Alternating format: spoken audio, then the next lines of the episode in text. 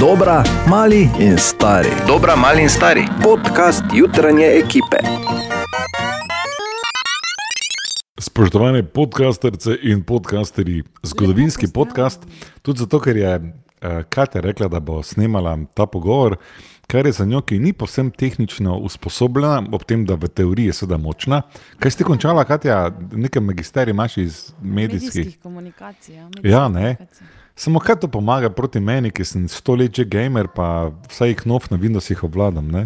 Ja, glej, vsak ima svoje. Ne? Vsak ima na svoje, ne? svojih področjih. Ja. Uh, danes smo skratili skregana, zato ker je v kvizu brez bora gladko izgubila, potem ko je že z 2-0 Nisva povedala, skregana. je za 3 proti 2 bila poražena. Mislim, Katja, to je taki post um, dogodek, intervju. Kaj je šlo na robe? Ja, to, da nisem gledala teh filmov, ne, pol, ko si jih potem spraševal. No, če Ja. se menimo o karate kidu, pa. Ne, res prav nisem gledala. Prav nisi gledala. Okay, Prav samo malo. Ne, ne, tu, ne, ne, ne. ne, ustavi se, zagrnem to zaveso usmiljenja, ker tu so samo dve poti ven. Ali ugotovimo, da si tako grozno mlada, da se ne morem s tabo pogovarjati, ali pa tako grozno nisi gledala filmov, da bi morala zdaj gledati nazaj. Um, Katja, Ja. uh, ker si Mlada pač ti mlada in tu na rešetu, ker je Dejana na dopustu, ampak se vrača, in je Ana na dopustu, ampak se vrača, in je Marko z nami, ampak noče biti v podkastu, ker je rekel, da on ne bo. Ne? Ja. Um, imam še to čudovito priložnost, da v dveh stavkih eh, pojasniš, zakaj je šlo pri mladih tičih. Preden to gre v zgodovino, kot tvoja največja napaka. Gre za kraj, ne, eh, ki se ne izgovarja tako, eh, ampak eh, smo se danes zjutraj pogovarjali o teh krajih in sam Marko Fras in tudi sam Borg Reiner, eh, oba sta povedala, da se kraj po njunem mnenju izgovarja mladi tiči in pač sem jaz seveda kot najbolj inteligentna ženska na tem svetu več kot očitno ponovila za vama ne. in se mi gladko maščuje. In od danes naprej vemo, da ima Katja rada mlade tiče, več o tem pa v. V teh posnetkih, ki zaznamujejo teden, ki je za nami, hvala, da ste bili z nami, super, da boste v prihodnje tudi, radi vas imamo, čeprav nas je včasih poleti malo. Ja. Pa še tudi, ko smo radi, imamo mlade tiče. Vedno, Eh. kaj si ti da. Adijo. Kje je to veselje ponedeljkovo? Dobro jutro, juhu, nov teden je pred nami. Ne, Kaj ne? Jaz sem ga stišal, Katja, kaj pa ti? jaz, eh. To, ponedeljek je. Radio City. Tako, za nami je enkraten športni vikend, olimpijske igre so se zaključile, plamen je ugasnil. V športnem svetu sicer še vedno odzvanja odhod eh, Mesija iz Barcelone. Včeraj je to storil tudi uradno na poslovilni konferenci in potočil nekaj solz, dobil zelo, zelo dolg aplaus, ne, kot se spodobi za 21 let ali kako dolgo je bil pri, pri Barsi. Ja. Uh, kot smo morda nekaj so spotočili mi v soboto po tekmi med Avstralijo in Slovenijo, sploh ne bom uh, nekaj dolgovezil zdaj, ampak bi rad samo povedal, da sem izjemno ponosen na slovensko reprezentanco, da je pri, prilezla tako daleč in vsem pokazala, da nismo od muh. Ne? Za nas smo zlati, ne? Ali sem bil jezen in razočaran v koncu tekme? Ja. To je res, ampak kljub temu ponosen. Napisali so zgodovino, olimpijske igre Tokio 2020 bodo ostale v super spominu, tako da samo to lahko naredim. Bravo. Evo. V soboto zvečer smo bili bolj dobre volje, ko je NK Maribor v četrtem krogu prve lige Telemah nadigral ekipo Radomel z 2 proti 1, krasno, super. Eh, Veselili smo se spet včeraj, ko je Tim Gajser sicer eh, obe vožnji v Kegumsu za veliko nagrado Latvije v MXGP končal na drugem mestu, ampak skupno zmagal in se tako še dodatno utrdil v skupnem vodstvu svetovnega prvenstva v motokrosu, tako da Gajser je poharal, pa da ne pozabimo še na pohorje, včeraj je potekalo Evropsko prvenstvo v gorskem spustu in že drugič je prvakinja postala naša Monika Hrastnik. Bravo. Bravo. Evropska prvakinja v gorskem spustu. Na splošno gledano je za nami super športni vikend, tako da čestitke vsem za super dosežke. In mene zanima, kaj je najbolj neverjetna stvar, ki se vam je zgodila ta vikend. Kaj, mislim, se lahko do desetih smo tukaj, ni A, problem. tako, pestro življenje imaš ti kul. Cool. Povej eno. Ne sedem. Okay. Jaz sem recimo ugotovila, da več kot očitno vplivam na neko elektroniko v avtomobilih. Okay. Razloži. Ja, katerega koli se vsedem, se začnejo lučke prižigati, da je nekaj narobe. Okay. Tako da, če želiš preveriti, ne, prvi pogled, bom ja, rekel. glej, če želiš preveriti, če je s tvojim avtomobilom vse v redu, lahko pokličeš na servis 211. Ja, in odpelješ Katijo Gregoric. okay, uh, Bor, Uh, jaz sem si morje naredil v Mariboru. okay, spet razloži. Kaj mi Eh, mečete, no, neke stavke? Za, za morje, za mene rabiš morje, pa visečo mrežo. Uh Mhm. -huh. Torej, v Mariboru ni morja, torej Je kaj, empar z sem si vodo, pa visečo viseče mreže na domačem dvorišču. Bravo. In kaj se je zgodilo, noter sta prespala soseda. Pa ti zraven. Ne, Ne, okej. mislim, lahko bi, ker je plačal dovolj, samo nisem. Pa še ni od reveža, je dež zbudo, tako da sta na koncu mogli ven. Krasno, super, ja. Bor in Katja, hvala. Moja neverjetna stvar pa je zelo preprosta. Nič ne rabim razlagati, povem samo, da sem udar prejel dva double cheese in radler. Bravo. Uh, nekdo te osvaja. Ne. Web, web, web, web check. 6 in 26 minut, Katja, izvoli. Na robe, Kaj? ker je danes ponedeljek. Ja, je čas za pomeni, tedenski tedenski horoskop. horoskop. Tako. Oven, usmerjeni boste v delo, zapleti boste hitro opravili in zelo aktivni boste. Bik, razočaranje na začetku tedna vam bo pokazalo, da obstaja več poti. Na preizkušnji bosta vaša vera, tudi zaupanje. Dvojčka, najbolj aktivni boste sredi tedna, takrat tudi sledi dejanje, ki bo presenetilo čisto vse. Rak, tokrat si boste močneje prizadevali slediti sebi, ko boste spoznali, kaj točno potrebujete, boste naredili velik korak, da to tudi dobite. Lev, včasih si morate dovoliti biti tudi malo ranljivi, nikamor se vam ne mudi, pričakovanja pa enostavno preslišite. Devica, v vas bo želja po doseganju še več, zaradi tega boste prestopili kakšno mejo. Zavedati se morate, da ste tudi vi samo človek. Tehnica, nek lapsus bo zaznamoval vaš teden, presenečeni boste, kaj vse se lahko iz tega naučite in koliko pozitivnih rezultatov lahko dobite. Škorpion, nekaj skrbi vas bo doletelo, vendar boste znali dobro ločiti, kaj je v danem trenutku najbolj pomembno. Strelec, vaše ideje vas pogosto vodijo po poteh, kamor nihče drug ne upa, ne upa stopiti, tako bo tudi ta teden. Zaupajte vase in v svoje sposobnosti. Kozorok, ta teden boste več pozornosti namenili financam, teden bo po večini statičen, kar vam bo dalo možnost, da se še bolj poglobite vase. Vodnar, dnevi pred vami bodo povsem običajni, to vas lahko popelje do spoznanja o tem, kdo ali kaj bi lahko bili in morda celo začnete načrtovati spremembe. In pa ribi, zaznavate, da se na veliko področjih vračate nazaj in si želite razrešiti svoje nedokončane obveznosti, tudi projekte. Vseeno boste v tem tednu dali večji poudarek na partnerstvo. Uh, Marko, Kaj? ste bi še kaj dolžni? Mm, ne. Okay, Meni si. Okay, Vidva se to zmenita izven etra, dobro jutro. Dobro jutro. Web check. Olimpijske igre. Olimpijske igre. Olimpijske igre. Tokio 2020. Kot smo rekli, spodobi se in pravično je, in se spodobi podpredsednik Olimpijskega komiteja Slovenije in naš radni poročevalec iz Tokija, Tomaš Barada. Dobro jutro. Dobro jutro. Dobro jutro. Skoraj težko verjamem, da je danes že 19. dan, kaj sem tukaj v Tokiu in da se v bistvu vsak dan slišimo, vsak dan se javljam. In, uh, če bi zdaj se malo pohecal, pa vrnil nazaj v srednješolske dni, ko smo imeli 14-dnevno obvezno prakso.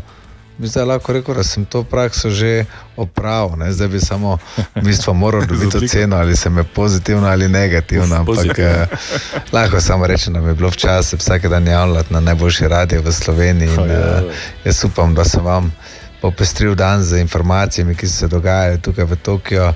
Skratka, bilo mi je fajn. Ne, Tomaš, nam je bilo v čast in fajn, Res da smo lahko tako. imeli takšnega poročevalca.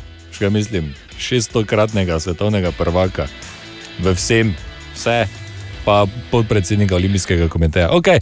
Uh, res hvala, Tomaš, ker ne bi bilo isto, če bi samo na suho in na pamet nekaj govorili o olimpijskih igrah.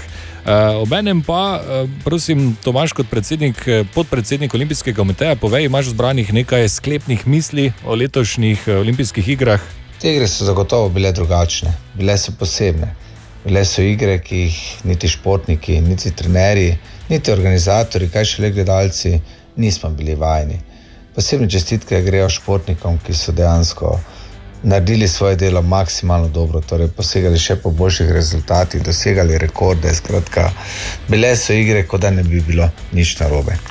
E, posebne čestitke seveda grejo tudi organizatorju, ki je dejansko kljub vsemu izpeljal igre na najvišjem nivoju. E, Hkrati bi še tu rad povdaril, za vse te volonterje so res oddelali na igrah eh, maksimalno. Mislim, da so ti volonterji bili vpeti v same igre 24 ur na dan in uh, jaz ne vem, kdaj so spali, kajti vse čas so nam bili na razpolago, res delali kot. Uh, Kot da je to njihova življenjska priložnost. Tako da igre so speljane, zgodovina je zapisana in uh, upam, da se več ne bodo ponovile v takšni smeri, da bo igre spet začele potekati tako, kot je to normalno. Kajti, ko gledam rezultate na koncu, prejemnike medalj, ki si sami okrog vrtu dajo medalje, niti si gledalcev, ki bi jih bojno spremljali, to je nekaj, kar si v športu ne želimo. Ampak uh, tokrat je bilo tako, jaz samo upam, da se bo spet vrnilo vse skupaj nazaj na športno področje, tako kot je bilo včasih. Od tega si vsi želimo in uh, močno upamo, da bo tako. Uh, super besede, hvala Tomaš Barada, hvala za sodelovanje in seveda varno pot domov. Hvala tudi vam za zaupanje, da sem lahko bil vaš rekel, sodelavec. In, uh, kaj naj rečem za konec, bil sem ponosen, da sem bil del te zgodbe, da sem to lahko doživel v živo. Kajti spisali smo zgodovino za Slovenijo, to so bile za nas najuspešnejše igre v zgodovini Slovenije. In uh, jaz samo upam, da bomo tako jadrali naprej, da bomo še vedno dosegali takšne rezultate, kot smo jih zdaj. Zdaj pa komaj čakam torek, da se vidimo v živo in uh, dejansko pozdravimo vse te športnike, ki si to res zaslužijo. Tako. Krasno. Tudi Tomaš, še enkrat najlepša hvala v našem imenu, pa imenu vseh poslušalcev, ki so profitirali s tem, da si delal uh, duplo službo. ja. uh, vsem nosilcem medalj in preostalim udeležencem uh, pa lahko rečemo, uh, naš aplaus prihaja, uh -huh. ploskamo jim jutri. 10. avgusta na kongresnem trgu v Ljubljani po 21. uri. Vem, da je treba iti v Ljubljano, ampak tokrat je izjema. tokrat je izjema in se ja. več kot splača. Čas za aktualne jutranje informacije. Čakaj, ustavi, nekaj sem se spomnil, pomembno je kot vreme. Vreme je kako okay. hitro, eh, malo je deževalo, ne? pa sončno bo, pa vroče bo v kratkem. Poslušaj, okay. drugo stvar sem se spomnil. Okay. Marko, kaj? Si ti pojedel, oni sladoled, ali, ali upam, da ne. Sem ga. Se menili, da je samo sladoled. Ja, čakaj, čakaj, ne še, ne še. Imel si sladoled?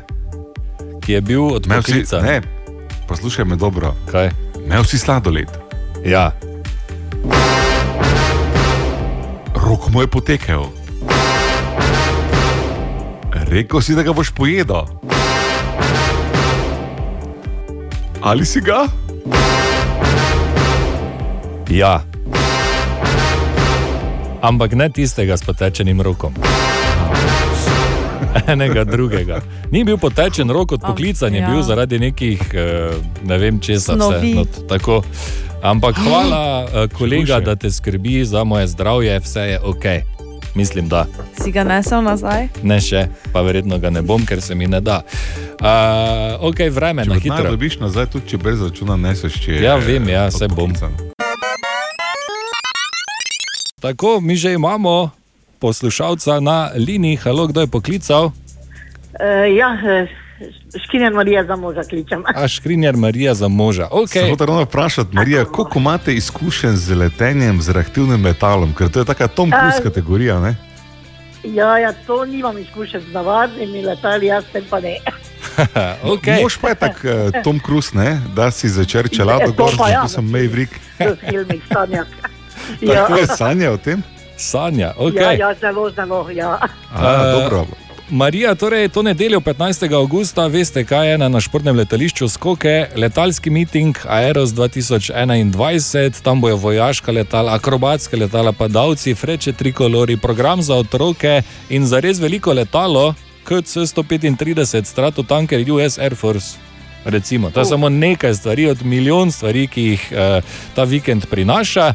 Uh, zaželjeno je, recimo, da si na dogodek prineseš zložljiv stol, da se lahko tam lepo sedeš in se uh, na, udobno nadom, namestiš. Uh, PCT je seveda pogoj za vstop, mi pa torej delimo eno fino nagrado in sicer polet z reaktivnim letalom L29 uh. Delfin.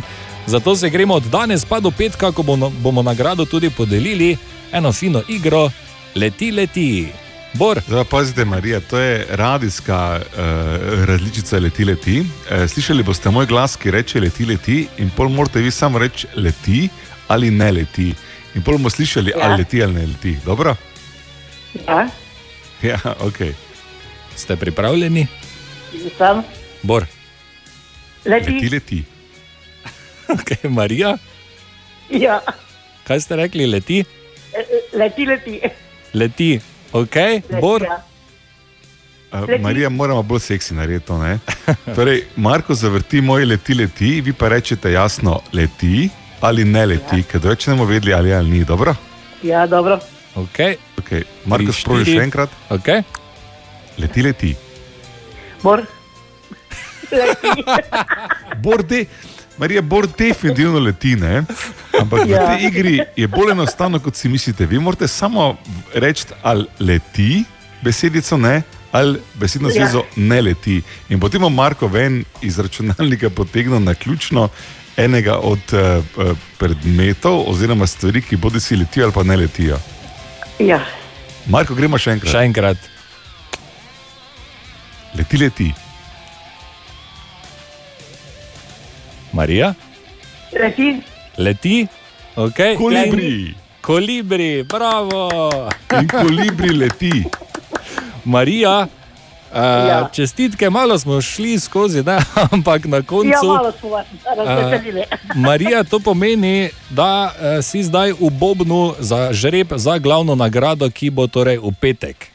Tako da mi te imamo pribeleženo, želimo vso srečo, igramo še v teden to igro in upamo zdaj za tvojo dobro, da drugi ne bodo toliko sreče imeli. Ne? Hvala lepa. Ne, ne, sej, Ma- Ma- Marija, eh, tudi če jih je tukaj recimo noter 40, ne, je to za vašega moža dosti večja šansa, kot pa da mu recimo satelit pade na glavo. Da, ne. Točno, točno. Tu točno. nekje. Ja. Okay, Ja, uh. Marija, iskrene čestitke, se slišimo morda v petek. Ne? Adijo, lepo zdrav. hvala. Adijo. Lepo zdrav, adijo. O, Tine! O, Tine. A ja, čakaj, samo malo. O, Tine. Ja, vklopi me. Jaz sem. O, ti ne. Lepo zdrav, Tine. Lep Me veseli, pozdrav. da si tukaj. Lepo zdrav. Kak je bil vikend, v redu, Pa ja, Ok. dokaj uspešen. super. Pač. Zgledaš počit. Tako uspešen tudi ni bil. Ne. Okej. Malo sem se zakamufliral.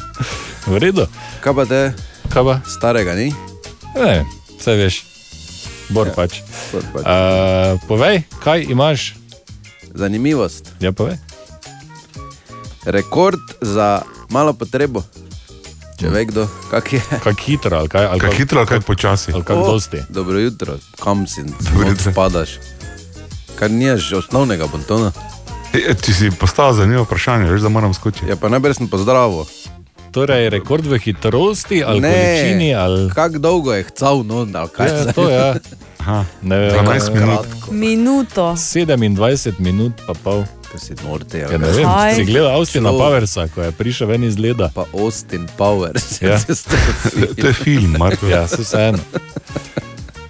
No, e, ne, ni 27 te minut, pa 7, 8. 8. Oziroma, natančneje 508 sekund. Ja, pa je bil š, drug cel cajt ali. Ma? Veš kaj mislim? Lahko je samo. Še enkrat, jaz eh, zbiram zanimivosti, pa jih Kak, ne, nimaš do predstavljam. Ja, ki zdaj, ker ne piše, pa ni telefonske številke, da bi Jožeja poklical, pa rekel, kaj ti je res 508 sekund, cel celi cajt. Okay. Okej. Ne, ne vem, Zanimivo. bo treba verjeti. Okay. Zdaj, če pa ne verjameš, te pa pač... težave s prostato. Ja, ne vem, ali pa te, veš kaj pira spil. Kaj si? Po moje. Verjetno kar dosti. Ja. Tako da, zdaj, če pa je to resnica ali ne, to pa zdaj, to pa je druga. Bolj zanimivo je, če ne vemo, če je resnica. Ja, te pa ne. ne sprašuj. Tako, okay. Jaz še imam eno, kot se spodobi, ne? eno živalsko. V bitki za Megaro v antični Grčiji so bile na eni strani Atene, ne? na drugi Megara, zaveznica Šparte. Ena stran je imela v svojih vrstah eh, bojne slone, zato jim je druga stran kljubovala z bojnimi svinjami. Ampak kako se morda sprašuješ? Seveda. Svinje so namazali z oljem, jih prižgali in poslali proti slonom. Uh, in goreče svinje, ki so cvilile, so slone tako prestrašile, da so v paniki poteptali in pobili vse svoje ljudi v bližini. Pa daj. Rekel, kar špartanska strategija. Ja. Šli samo to rekel. Tinček ima uriniranje, tipa slone, ki so teptali ljudi, zmes pa goreče svinje. ne. Tako da jaz bi tukaj dal Tinčku eno točko, ne Marko. Naj ne pa minus Nekaj, kar je. 27. Hvala. Danes je 9. august in tudi dan knjigoljubcev. O, Tako da, dajmo Vsi se malo, moli sveta, javite se. ja, dajmo se malo izprašati, kaj sta na zadnje prebrala. Oziroma, berete. Moram iti naprej, najprej povedati anekdoto o Sažutu, ki je moj, uh, on je sicer izvrsten košarkarski sodnik, moj izjemen prijatelj že leta, ampak uh Mhm. -huh. ima to grdo lastnost, da knjige bere speed reading, ne, veš, ono kot tak obrne list, pa obrne list, pa Kaj? obrne list. To obstaja. ga, ja, pač to je tehnika hitrega branja. Je. Okej. In jaz sem ga potem enkrat vrgel na te smisle, ajde, ne, tudi nekaj tam lista, brača, pa se dela frajera. In je res tam, ni vedel, sicer čisto vse, ne, je pa enih tam 85-90% vsebine je pa vedel, knjiga hmm. pa je prebral 8krat hitreje kot jaz. Ker jaz pa berem tako, veš. Da grem dol, pa nazaj malo gor, pa dol, pa Ja, ja, ja. stanem po penku zaradi vode, pa začnem na prejšnji strani, ker sem, se, ker sem že nič zgubil, ne, po pa potem tako približno je, ne, moj tempo. Okay, zanimivo, to moraš biti tudi poseben človek, da ti uspe hitrostno branje, ker si ne bi nič Ja, res je, zapomnil. ja, to je Res. zanimivo. Ne. Uh, okay, torej, kaj sta na zadnje prebrala? jaz berem trenutno ženske, ki tečejo z volkovi. Okay. Žaner, Taka duhovna, bolj zarasta, kako naj rečem. no, za osebnostno rast. Ja. Dobro. Bor, Ja, ker zdaj tudi šteje, če si odprl samo knjigo, ker je eh. Julija mi vztrajno nosi z police veliko zeleno knjigo, tisoč vegetarijanskih receptov, ker pač noter so slikice. Ne? Ampak če, če, Ja, pa če samostojno branje od uh, začetka do konca, pa who is Buddha? Who is Buddha? Dobro, Ja, oba neka poduhovljena. Ja, Jaz pa medtem eh, sem si letos januarja kupil e-bralnik v upanju, da bom več bral, ne, ker se In? mi ne da po knjige. Še vedno berem prvo knjigo od januarja in sicer Star Wars, tako da je nekaj čisto drugega od vajnih, ampak zanimivo. Tako, v nedeljo 15. augusta letalski miting Aeros 2021, na voljo bo milijon letal, program za otroke, pa davci bojo za vse. Eh, PCT je seveda pogoj za vstop, to moraš vedeti. Mi pa bomo v petek podelili eno fino nagrado, vrhunsko nagrado, v bistvu polet z, le, z reaktivnim letalom L29 Delfin. Zato se danes, pa do petka, ko bomo nagrado tudi podelili, igramo eno fino igro. Leti, leti in eh, kdo bo letel tokrat? Halo. Halo, Ja, kdo je poklical? Franci pri telefonu. Franci, dobro, Dobro jutro. jutro. Torej, te ni strah uh, poleta s takim letalom? Ne, večno žaljem. Večna želja, uf, uh, ok. Uh, Franci, potem ti želim vso srečo, danes igramo igro Leti, leti. Uh, Bor reče leti, leti, ti rečeš leti ali ne leti, jaz zavrtim na ključno izbran posnetek, če leti, si v bobnu za žreb, če ne, pa probaš naslednjič. Zmenjeno. Ok, Ok, prisluhni in Leti, leti. Franci, leti ali ne leti? ja, Ja, Concord. Concord leti, bravo, bravo! Franci, si v Bobnu za žreb, iskrene čestitke. Uh, tako da v petek žrebamo, če boš ta srečnež, te pokličemo. Zmenjeno. Okay. Lepa. V redu, lep dan želimo, adijo. Dio. Temperaturne razlike med eh, različnimi predeli v mestih niso ravno neka nova stvar, ne? se strinjamo? Se. Ja. Okay. David pa se je pogovarjal s profesorjem dr. Igorjem Žiberno, ki je delal raziskave na to temo v našem mestu, v Mariboru. In kaj si izvedel, David? Je v bistvu je težava v tem, ker so v mestih tla betonska oziroma asfaltna in so tudi stavbe načeloma betonske in vsi ti materiali zvišujejo okolici temperaturo. To dejansko dela nekako posebno lokalno podnebje, ki ga imenujemo tudi mestna klima. Profesor Žiberna pa razlaga, kako so izmerili te temperature v Mariboru. Eh, In v ta namen imamo torej na številnih lokacijah eh, montiranih eh, tam okoli 15 eh, avtomatskih meteoroloških postaj. Postaje so locirane v glavnem v mestu, v različnih delih, torej različno pozidanih eh, delih mesta, nekaj pa tudi eh, za kontrolo v mm, okolici, torej izven mesta, se pravi tam, kjer je pravzaprav neko bolj ali manj naravno površje. No, ob tem upravljamo tudi tako imenovane mobilne meritve oziroma maršrutne meritve, kjer imamo tipala termometrov, ne, torej, lo- eh, eh, montirana torej, na vozilu ne, in ob tem uporabljamo seveda še GPS dataloger ne, in v bistvu na ta način skozi mesto, recimo na vsaki dve sekundi, recimo izmerimo temperature na posameznih delih Analizirajo pa tudi satelitske posnetke, dokaj velika raziskava je bila to torej. Okay, zanimivo. In uh, rezultati? Zelo zanimivi, temperature so dokaj različne, prihaja do odstopanj, podatki pa precej aktualni. Zdaj, ko smo recimo te meritve upravljali precej pogosto v juniju in pa v juliju v letošnjem letu, recimo smo ugotovili, da se eh, samo znotraj mesta, ne, torej znotraj Maribora, pojavljajo kar velike temperaturne razlike, ki so pa pogojene z rabo tal, torej zlasti v gosto pozidanih območjih, torej tam, kjer je več asfaltnih in betonskih površin, te namreč delujejo kot nek akumulator toplote. Ne. So lahko temperature recimo tudi tam do 6 ali 8 stopinj Celzija više, recimo kot v eh, manj pozidanih območjih oziroma delih mesta ali pa recimo celo v eh, Stražunu. Ne. 8 oziroma 6 stopinj razlike pa se že pozna sploh v nekem ekstremnem vremenu oziroma med vročinskim valom. Ja, 8 stopinj je dosti, ne? Zdaj, če je v središču 35, ne vem, na teznu pa 28, je kar razlika. Ne? Je kar ja. Okay, uh, kakšne razlike pa so točno med deli mesta, David? Ne samo med deli mesta, že med parkom in središčem Maribora je razlika. No, recimo, če povem nekaj čist eh, konkretnih podatkov, recimo v poletnih mesecih recimo, je, so temperature površja v mestnem parku v povprečju tam za dobrih 6, skoraj 7 stopinj Celzija nižje recimo, od, eh, temperature, od temperatur eh, v okolici. Tudi recimo kakšni taki manjši parki, kot je recimo Magdalenski park, recimo, eh, beležijo recimo, tam za dobre 3 stopinje Celzija nižje temperature, kot so temperature okolice. No, in recimo Betnavski gost, ne, tudi recimo v pomladanskih in poletnih mesecih skoraj 7 stopinj Celzija nižje temperature, kot so temperature okolice. Ne, kar pomeni, da te eh, površine moramo ohranjati v mestih in um, predstavljajo, bom rekel, tudi en tak vir uh, kakovosti bivalnega okolja. Ne. Torej, blažijo vročino. Profesor Žiber nam je zaupal tudi en podatek. Od 1. junija do danes so našteli kar 25 dni preko 30 stopinj Celzija. Okay. Zanimiva raziskava. Nisem vedel, da jo potrebujemo, ampak kul, cool, da se uh, ljudje spomnijo tega in se s tem ukvarjajo.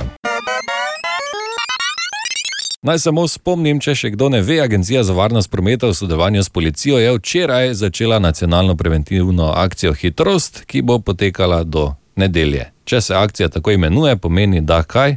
Merijo hitrost. Bravo. To nedeljo, torej 15. augusta, letalski miting Aeros 2021 na športnem letališču v Skokah. Kaj lahko pričakujemo? Vojaška, akrobatska letala, padalce, freče trikolori, program za otroke, eno ogromno letalo bo tam, KC-135, Stratotanker US Air Force, tako da ogromno se bo dogajalo. Mi pa ti podelimo eno fino nagrado in sicer polet z reaktivnim letalom L29 Delfin do petka, ko bomo nagrado tudi podelili, pa se igramo eno fino igro, ki jo vsi poznamo, leti, leti. In kdo bo letel? Morda. Halo, dobro jutro. Dobro jutro, Darko po telefonu. Darko, dobro, Dobro jutro. jutro. Si že kdaj Dobro letel jutro. z reaktivnim letalom? Sem, ja. A res? In kak je bilo?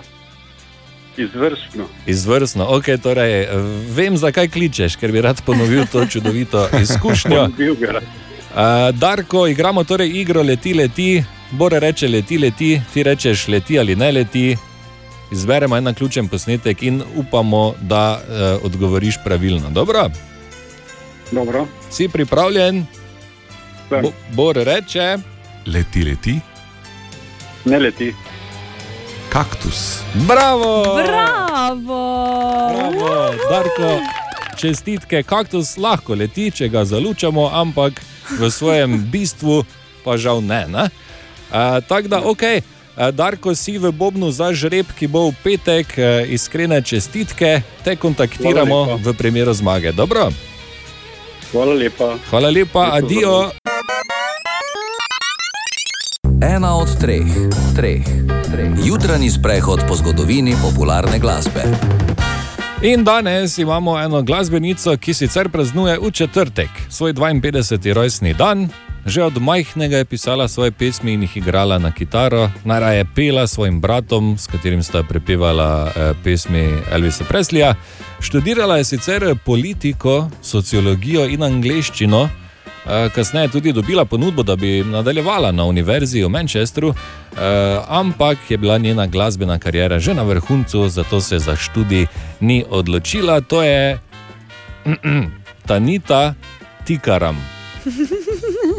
Zakaj sem povedal tako previdno? Kaj ti? težave z njo. Ne? Ja, eh, prisluhnita eh, enemu kiksu izpred nekaj let.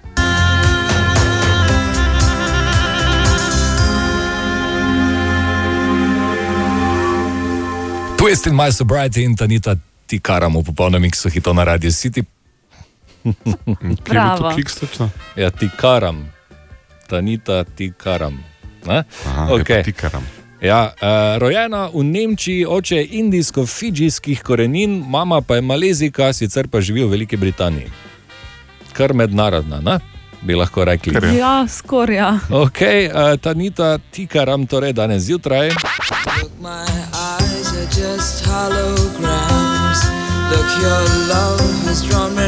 Twist in my sobriety ali pa World Outside Your Window. So tell me if you want to see a world outside your window. A world outside. Morda good tradition. Call the stations, call the people. We all Ali pa If I Ever. If I ever, ever, ever get through to you. If I ever get through to you. If I ever, ever, ever get through to you. Kar v redu, eh, lepe komade je nanizala, ne? bi lahko rekli. Ja. ja, nekaj od njih izjemno znanih. Tega zadnjega sem prvič slišal, tako da eh, jaz bi skoraj za zadnjega glasoval, ker mi je, ne res so stari slabi, ampak tam Mm. je presenetil. Jaz pa bi glasoval za prvega, ker je najbolj znan, pa ga že dolgo nismo slišali. To, to je res, ja, Katja. Twist in my sobriety. Jaz bom pa pač tu čičala, pa čakala, ker bo. Nimaš glasu. To nedeljo, 15. augusta, se nam obeta spet letalski miting Aeros 2021 na športnem letališču v Skokah, kjer se bo dogajalo vse, velika, ogromna letala, recimo KC-135 Stratotanker US Air Force, tam ima izjemno ime in me zanima in bi ga rad pogledal. Zaželjeno je, da si na dogodek prineseš zložljive stole, deke in ostale rekvizite za udobno namestitev na prostem, PCT je pogoj za vstop. Mi pa delimo eno fino nagrado polet z reaktivnim letalom L29 Delfin, če te seveda ni strah in koga ni strah. Halo, dobro jutro. Dobro jutro, cvetka na tej strani. Cvetka, zdravo. Dobro jutro. Cvetka, ti boš letela ali kličeš za koga? Uh, mislim, da bom jaz letela. Okay. To mislim. Dobro. Se bodo doma pre, prepirali, kdo bo vzel nagrado, ali ti jo bo kar vzel. Ali... Ne, ne, ne, bo kar moja. A, okay. Dobro, dobro. Super, bravo, bravo, Cvetka, bravo. Tak, ja. Kaj, kaj bo že govoril? imamo. Okay, uh, cvetka, torej igro poznaš, ne? leti, leti, Ja. rečeš leti ali ne leti, izberemo na ključni posnetek in upamo na najboljše 50-50 je tako da. Uh, si pripravljena? Sem. Bor reče Leti, leti, Leti. leti, žlica. oh, Au. dobro. Se zgodi, se žlica leti, ampak smo se zmenili, da objekti oziroma predmeti, ki v osnovi ne letijo sami po sebi, torej eh, v, tem trenut, v tem primeru ne velja cvetka, vseeno eh, ni še izgubljeno, torek je danes, lahko še poskusiš kasneje, jutri v četrtek, eh, pa mogoče boš imela boljša sreča. Dobro, Dobro, v ok. redu, lep pozdrav, lep dan. Adijo.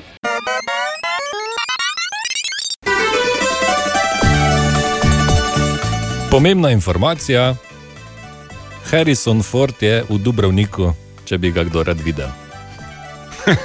Ah. To je ta informacija, veš. Ja, pomembna, ne? če kdo posluša Eh, Radio City eh, na morju. sedimo. Ali pa gre. Dobro jutro. O, Tine. E, ne hodim reči, da je oni kosmati, je zraven čubaka, samo je star, pa mu odpada že malo. Ja. Ne, da ne boste zborom zamenjali. A ja, to se mi zdi. Okay. Aktualna informacija je vreme, Katja. Ponovi ta zvok, prosim.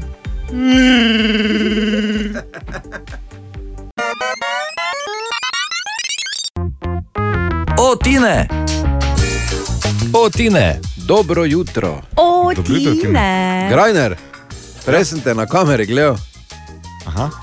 Tako se reče, kot, kot bi rekli eh, južni bratje, oziroma tvoji bratje, kaj so ti sve lađe potonule. Ker ne da ko kupne sreče sediš. Počasno jutro imam no, roko na srce. Da, To ne, ni počasno, ti si se na celi črti si se predal, točno tako gledaš. če imam sto stvari za narediti, ne, pa, Pa ne veš, kje bi začel. Ne? Ja, faci sediš. pozna. Ok, Tine, lepo, da si tukaj, kaj Ja, prinašaš? Darove. Ja. Bravo. Mi, miro, Darove. zlato in kadila. Ne? Kaj imaš Jaz- za jaz- me? jaz- Jaz sem hvala. četrti. Kaj imaš za me? Aha, okay. Kaj? Kaj imaš za me? Ti imaš iz četrte večje, Katja. ja. Kaka si Zapiramo jaz. vrečko. Okay. Torej, Še žal ti bo, kaj je. Ne tako hitro, Daj, daj. ne. Mislim, ok, dobro, se sem. zanimivost. Prej smo se menila fraz Ja. o Samuelu L. Jacksonu, Ja? pa o njegovih dosežkih. Ja? Pa glej ga zlomka, glih imamo njem eno zanimivost. A, super. In sicer, eh, ne vem sicer, sicer kdo je šel to štet, ne? ampak v 27 različnih filmih uh -huh. je 171 krat rekel, motherfucker. Ampak ne vem, če so šteli, ker sem včeraj gledal, kaj je že Hitman's Wives Bodyguard. Bodyguard, ja. Ja. Ne vem, če tu zraven bilo šteto, pa če, nisem do konca pogledal, ker sem do polovice prišel, pa mislim, da pri 23 bilo. si štev. Ne, pa nisem vsega štel. Ja, to je njegov ker- trademark, on je znam pod tem. Ja, Tako Da, on to tako reče, da sploh da ni, ja, jezni ni več. ne. Ne, ni več, sploh ne žaljivka, ne ja, Ne, ja, ne, okay. uh, hvala ti, ne, tudi jaz imam, seveda, kot se spodobi, veš, da. kontra eno živalsko. V Kaj imaš Indiji, že z živalmi? ja, ne vem, pač imam rad živalske zanimivosti. Pusti, kaj veš, da ima rad živali. Uh, v Indiji živi ena vrsta veverice, Ratufa indika, oziroma malabarska, gigantska veverica, ki lahko Bar- zaraste. kaka?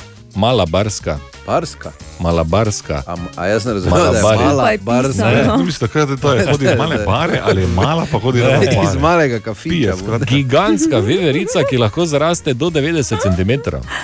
Ah, Kaj? Predstavljaj si metersko veverico, da ti tu v parku prideti Kaj? pa ti sladoled vkrade. Se ne bi sploh. Tu jo lahko vidiš, samo kar- če skadiš, nekaj te lahko vidiš. to je drugo. Ja.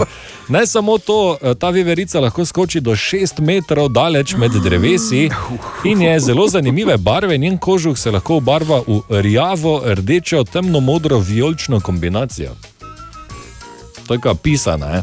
Ba, to je kot neki vesolc. Ja. Pisana meterska veverica, ki 6 metrov skače. Ja. Kaj ta je, krave cele? Ne ve. Tu nekje verjetno. ja. Ali pa orehe. nizko. Ja, Ja, orehe imajo barska take? prišla pa. Ne vem, moram pogledati. 100 Pa ti javim jutri. Aha, aha, aha, aha, efekt. Aha, efekt vprašanje je danes poslala Tamara, ki sprašuje, zakaj, če sploh, zakaj so pomembne ose. Ah, dragi moj, to je za oni citat, veš, ko si kar vzamete svinčnike ali pa naj me nekdo nekaj objavi, pa bomo ne, rešili svet.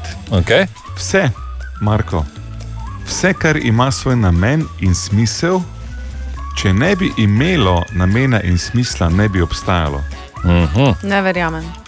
Jaz tudi ne. Ne verjameš. Jaz sem še vedno tu. To pa zato, Kate, ker si ti generacija, ker uh, ti moram reči, draga mlajša generacija, ose si zaslužijo absolutno drugačno javno mnenje, kot ga imajo, ampak vem, niso si še odprli profila na Facebooku, pa jim komunikacija malo škripa. Ne? Ne. Samo, ja, no, Ni problem v tem, problem je v njihovem obnašanju. Instagram mora imeti? Ne, v obnašanju. je Twitter? Obnašajo se, ja. Obnašajo se, kako se ose obnašajo? Ja, pride pa te pikne. Grizne, ne, osa no. ne pride, pa te pikne. Ja. Osa, pač tečne osa so. opravlja, osa opravlja samo to, kar v naravi osa mora. Osa je predator, osa ni zdaj uh, nabiralec medu. To Mhm. pomeni, da ona gre na listno uš, pa gosenico, ne, ne, ne, torej zavira tisto populacijo, ki se ne sme, ne sme pretirano razmnoževati, ob tem pa osa tudi oprašuje, tako kot čebela. Ja. Tako da naslednjič, ko vidite oso. Um, če imate problem z osami za mizo, ne, pa dajte nekaj sladkega na stran, se osa ne piše tebe pičit, ona je piše nekaj sladkega požet. Ja, kaj bo za stoj jedla, ne gre to tako? ja. Ja, no, vidiš. Naj si Instagram pogosto totavate v temi? Aha, efekt, da boste vedeli več. Zdaj, eh, ta podlaga se sicer imenuje Ice Cream Man, ampak naš gost ni sladoledar, pač pa El Primo novinar Matej Šoba. Dobro jutro. Dobro jutro. niti Dobro jutro. Nisem ne vem, kako velik ljubitelj sladoleda, če smo pri tem. Ampak če okay. bi moral pa izbirati, kateri okus bi si izbral, Pa ne bi. Uh, Ne v bi. vsakem primeru, v Mariboru je veliko odličnega sladoleda, uh, izbira je res ogromna in uh, priporočam, eh, da seveda tudi malo varirate, da se ne držite kot recimo Dejan, samo vedno enega okusa, pa enega sladoleda, ne, ampak eh, da malo varirate, recimo, tudi z okusi, pa tudi z načini izdelave. Tako Da, uh, res da uh, je tu pa tam treba včasih malo potrpeti, ker ti ponekod uh, spoh v vročih dneh so gužve, ampak se splača. Dobro. se sploh čaka v vrstah tako z metrom razmika, da je prav, Ja. um, prav patetično, grozno dolge so. Je pa res, da eh, bo današnji dan šel v zgodovino, ko je Il Primo novinar rekel: liži levo, liži desno, samo liži dol. Si ti no. Hvala lepa. Nedelja, 15. august se nestrpno približuje, ko bo spet na sporedu letalski miting Aeros, tokrat seveda 2021. Vrhunska letala lahko tam vedno vidiš, vojaška in akrobatska padalce. Program za otroke je, vse se tam dogaja, to je za cel dan, prideš, se imaš fajn, uživaš in med drugim lahko tudi poletiš z reaktivnim letalom L29 Delfin, to je naša glavna nagrada v petek, jo podelimo, do takrat pa se igramo igro Leti, leti, halo, dobro jutro, kdo bo letel? Zdravo, dobro jutro, Simona tu. Simona, zdravo. Dobro jutro. Dobri dan. Simona, zveniš zelo energično in pozitivno, uh, sklepam, da boš ti letela. Ne? Ja, upajmo. Okay. Dobro, me zanima, če si klicala zase ali za koga drugega. Si že kdaj letela z reaktivcem? Ne. Ne še, ok. Huh, v redu. Uh, Simona, igramo torej igro leti, leti. Bor reče leti, leti, ti rečeš leti ali ne leti. Zavrtim na ključen posnetek in uh, vso srečo. Dobro, si pripravljena? Ja, sem. In Leti, leti, Simona, Ja, rečeš leti ali ne leti, še enkrat tri, štiri. leti, leti, leti, leti. Ok, torej leti ali ne leti, še enkrat tri, štiri. leti, leti, Leti. Leti in rečni galeb. rečni galeb, leti, bravo. Simona, iskrene čestitke, v tretje je šlo, v tretje gre rado ali pa božo, kakorkoli. Uh, Simona, evo, v žrebu si, v Bobnu si not, v petek žrebamo, če si žrebana, te kontaktiramo. Dobro? Ja, super, hvala. Lepo zdrav, uživaj. Narečja so zakon. Ha, kva, koga, kaj? Ma ne razumem. Narečja so zakon in na zadnje smo iskali narečne verzije te povedi. Paradižnik nam je zgnil, kumaric pa je toliko, da jih ne uspemo pojesti. Zdravo, sem Marcel, prihajam iz Lorenca na Pohorju. Pri nas pa bi temu rekli takole: paradajz nam je carkno, murk imamo pa teko, da jih ne spolgamo požreti. Jaz sem Andreja iz Podgorc, pri nas se pa reče, paradajz nam je zagnila, murkov pa je teko, kaj jih ne folgamo jeste. Dober dan, sem Damjan iz Vinskega vrha, Miklaš pri Ormožu. Mi temu pravimo paradajz, ki je zgnilil, murkov pa je teko, kaj jih ne moremo pojesti. Dober en, jaka tu, v našem koncu to pa je obrš, to je pri središču obdravi, pa rečemo temu tako. Paradajz je zgnilil, vilberkov pa je telko, kaj jih ne folgamo pojesti. Moje ime je Nataša, prihajam iz Škofi pri Kopru in pri nas se to reče tako. Pomidori so nam se gnili, kaj humorjev je pa toliko, da jih ne rivamo pojezdijo. Dobar dan, jaz sem Simona iz Šentjurja pri Celju. Jaz temu stavku rečem takole. Paradajz imamo ves gnil, mork imamo pa toliko, da jih ne fulgamo jesti. Pozdravljeni, Smiljana iz Trlekije. Paradajz nam je zgnila, murko pa je teko, kaj jih ne bomo nikdar pojeli. Hvala lepa. Uh, Marcel, Andreja, Damjan, Jaka, Nataša, Simona in Smiljana.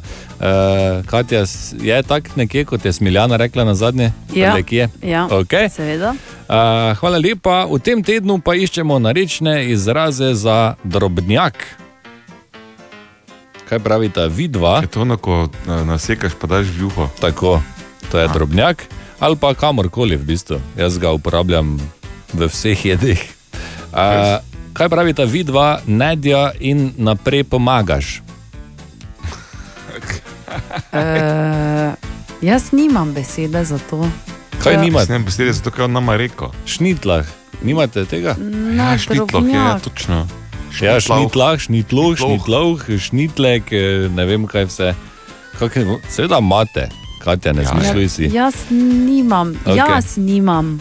Dobro. Zdaj, Vajo- po moje prleki nekaj imamo, samo ne vem pa kaj. Ja, imate zagotovo. Kaj pa smo? Uh, nedja je na duha, Okay. to je astma, se mi zdi. Uh, naprej pomagaš, pa je pospeševalec.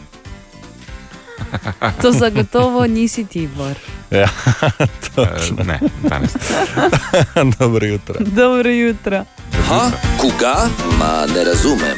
Narečja so zakon. Web, web, web, web check. Katja, izvoli. Najboljša možna novica za vse oboževalce serije Prijatelji. Mhm.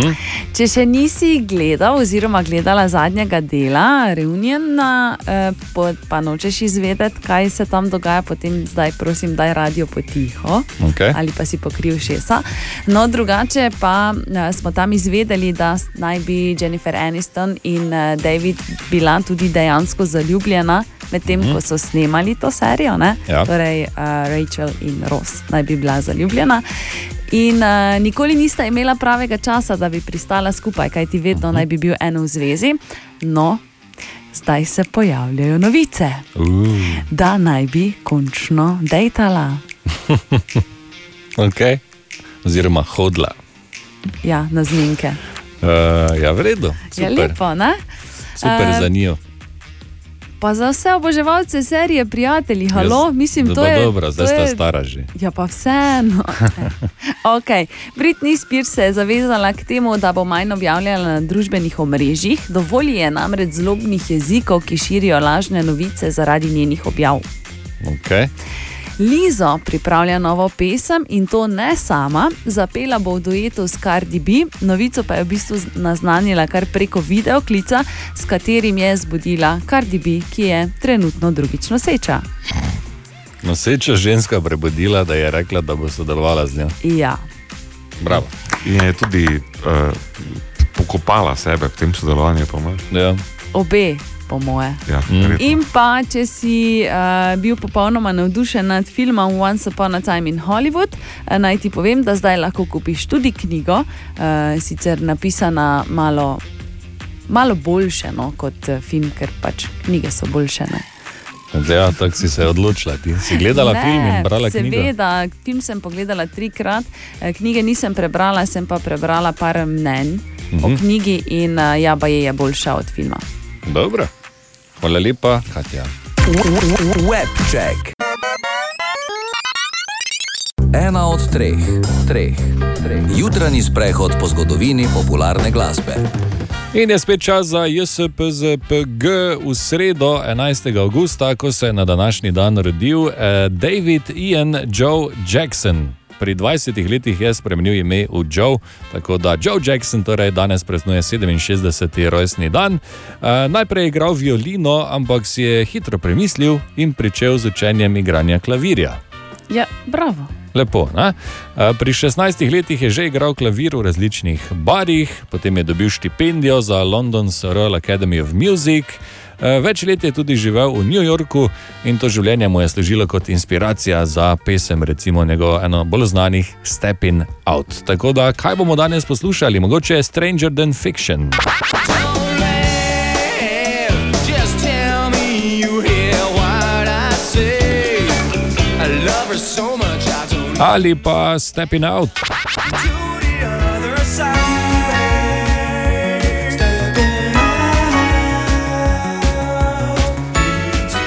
Morda takšno, ko smo se večkrat spraševali, is she really going out with him? Is she really going out with him? Is she really gonna Ne, ko kdaj, ko ga poznaš, pa zdaj. want?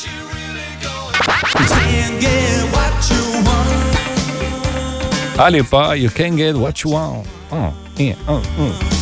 Said you can't get what you want. Vidim, da se kar zabavaš ti Ja, ja v glasbenem izboru. Danes je mednarodni dan mladih, tako da Katja, vse najboljše. Marko, vse najboljše. Bor, uh, dobro jutro vsi. To nedeljo, 15. augusta, letalski miting Aeros 2021 na športnem letališču v Skokah. Kaj lahko pričakujemo? Vojaška letala, akrobatske letala, padalce, freče trikolori, program za otroke, eh, izjemno veliko letalo KC-135 Stratotanker US Air Force. Vse se bo dogajalo v dan, torej v nedeljo eh, v Skokah. Mi pa delimo eno fino nagrado, super fino nagrado, to je polet z reaktivnim letalom L-29 Delfin. Igramo igro, leti, leti in kdo bo letel, če bo letel ali ne. Halo, dobro jutro. Ja, zdravo, Tomaš pri telefonu. Tomaš, lep pozdrav. Dobro jutro. Uh, Tomaš, si letel z reaktivcem že? Uh, ne, z reaktivcem še ne, z navadnimi letali pa to sem, samo Mhm. z reaktivcem pa še ne. Ok, torej je neka nova izkušnja, ne? Ja, seveda. ki bi jo lahko ti probal. Tako da, uh, Tomaš, če si pripravljen, uh, Bor reče leti, leti, ti rečeš leti ali ne leti, pa da vidimo, če ma- imaš srečo. Dobro? No, da vidim. Ok, tri, štiri. Leti, leti. Leti. Vrabec. Bravo! Vrabec leti! Super. Bravo, Tomaš, evo in si v Bobnu, Zaž, ne vem, ni, ni dejanski Boben, verjetno bo skleda, ampak nekaj bo, pa Boro pa naša reaktivca. Ga videl, imaš anglej? Kaj si normalno? Skratka, Tomaš v Bobnu za žreb si, v petek žrebamo, če si žreban, te pokličemo, kontaktiramo. Dobro? Super, zmenjeno. V redu, lep dan, adijo. Okay. In treba je opozoriti na nekaj. E, iz Američanov se radi malo tu pa tam ponorčujemo, ne? ker vedno pač pride take zgodbe od tam, da si Čebedarije malo. delajo. Malo, da je malo čudno. No? In uh, še ena je tukaj, američani in njihove tožbe, ne? ko se tožijo Ja. za vse. In... Ne pozabimo, da ima zaradi teh tožb oni na vsakih, eh, ne vem, gor na kosu lopate, po moje, ne šofli piše gor, ne jejte tega. Ne, ker, Ja. valjda En primijo, pa hočejo lopato pojesti. Ja, in potem pa toži. toži, ker si je zob zlom, recimo. Ne. Tako. In ja. Eh, Takšna ena nova tožba se je pojavila. Ena ženska toži McDonald's, ker eh, je zaradi njihove reklame prekinila svoj post. ja, evo, tu imaš. To, to je to. Mislim, ni sploh kaj za dodati, iskrene čestitke, lepo ste si naredili. Tako, eh, predstavljaj si, kaj te ob toplem poletnem večeru sediš na terasi ob sveči in hladni pijači, uživaš, in potem pride, seveda, komar in pokvari vso vzdušje. Zato smo preverili, ali je letos več komarjev in koliko vrst jih imamo v bistvu pri nas. Ja, letos so raziskovalci zabeležili večje število komarjev kot preteklo leto, saj je deževna pomlad zvišala vodostaje rek in jezer, ob katerih komarji nesejo svoje jajčica.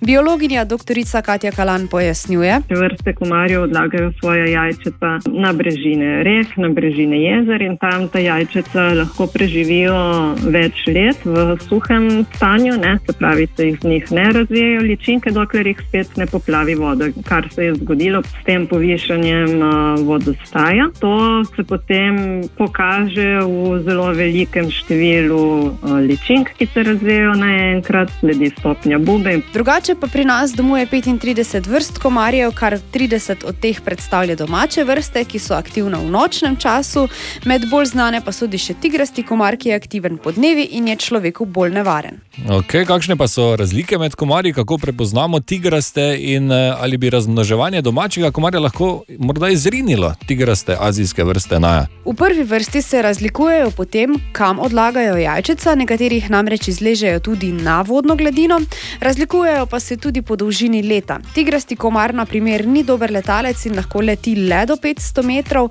na daljše razdalje pa se širi preko človeka. Katja Kalan dodaja. Kakršen koli predmet, no, ki je sposoben zadržati en deci vode, so čisto dovolj za razvoj tigrastih komarjev. Tako da v večjih eh, habitatih jih ni, ne? v manjših pa so. Ne? Ni pa rečeno, da se v teh manjših eh, vodnih telesih pojavljajo samo tigrasti komarji, pojavljajo se tudi druge vrste. Pojasnjuje še, da razmnoževanje domačega komarja ne bi moglo izriniti tigrastih vrst, ker je manjših vodnih teles, kjer se te zadržujejo preveč, hkrati pa domače in tigraste vrste le redko živijo v istem habitatu. Najboljše pogoje za razmnoževanje tigrastih vrst pa predstavljajo pokopališča, kjer je ogromno vas z vodo, ki nudijo idealne pogoje za razvoj.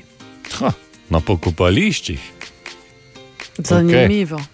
Hvala, Naja. O, Tine! O, Tine! Dobro ja, jutro. Dobro jutro. Dobro jutro, Tine. Dobro jutro. Prvo, da razrešimo.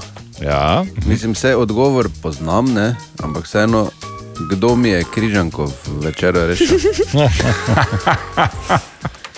Ti bom točno povedal zdaj. Gregorec. Kaj misliš, da Gregorec zna?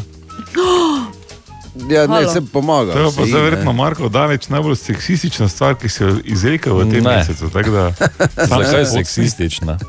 Ja, seveda je. Zakaj Samo za zato, ker je Katja ženska.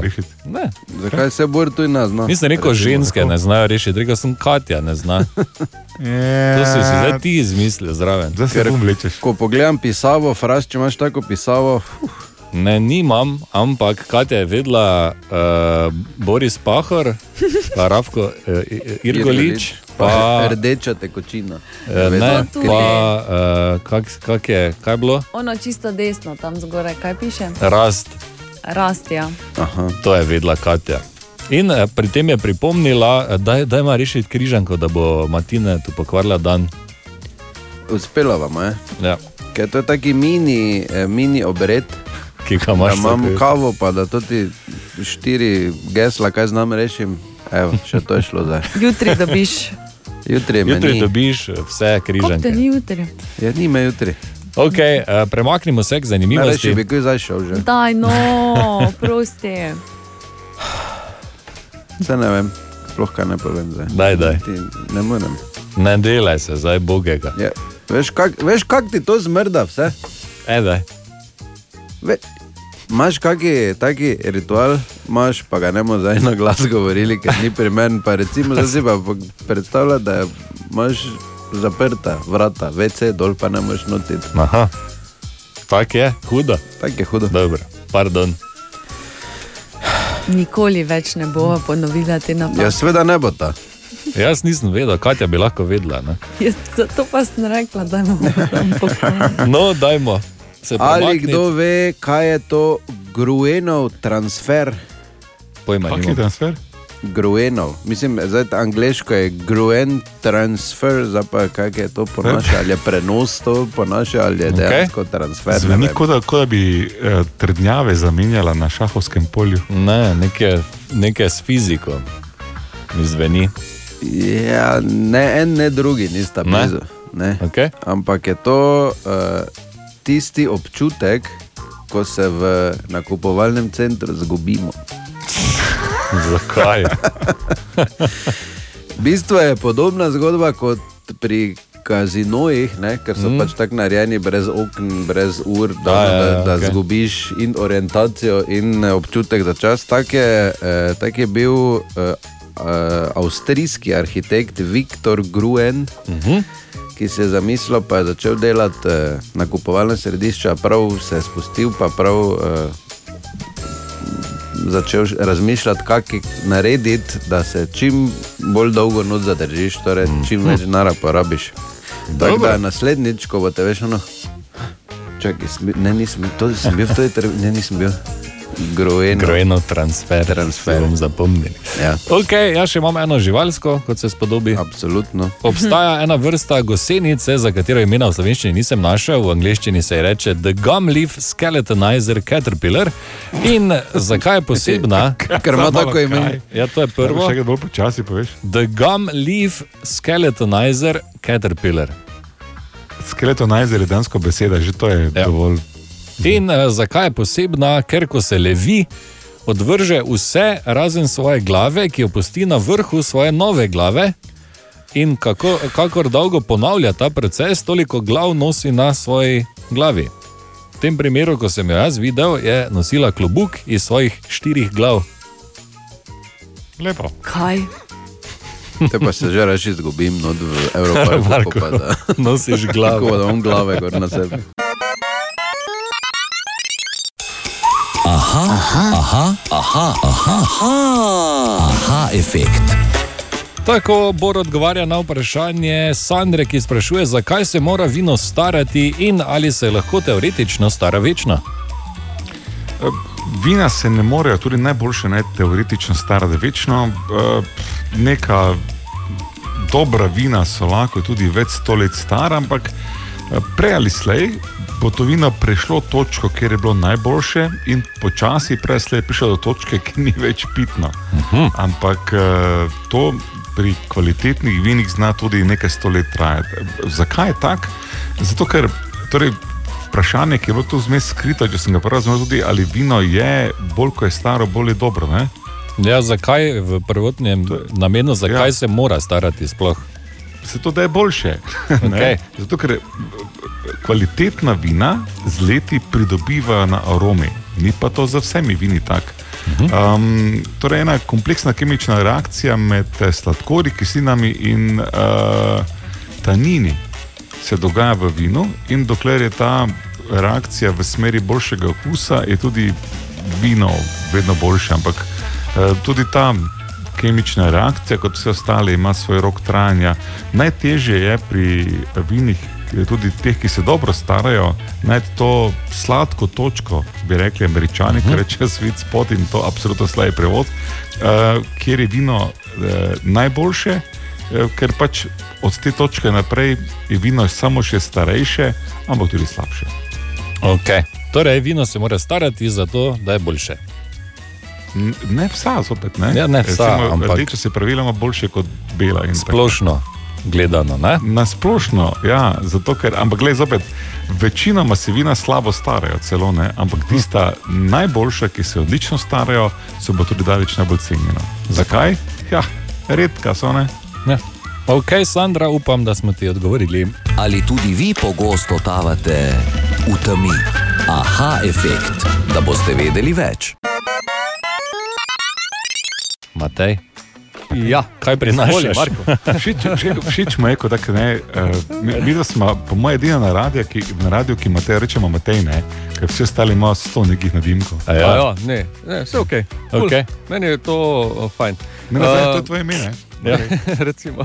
Ne, uh, bi sprašal, vprašal si me, Marko, kaj prinašam. Prinašam Mhm. novice pač eh, v smislu uh, tega, kar je novega od danes naprej, v smislu um, prometne varnosti, kajti od danes naprej so veljavi nove kazni na slovenskih cestah. A. Najbolj se je podražilo, če telefonirate med vožnjo, prej 120 evrov, zdaj bo to 250 evrov in tri točke. Pravilno. Uh, tudi, recimo, če parkirate na mestih za namenjene, namenjenih za invalide, potem boste na mesto 80 evrov, kolikor bi včeraj plačali, danes plačali že 120 evrov.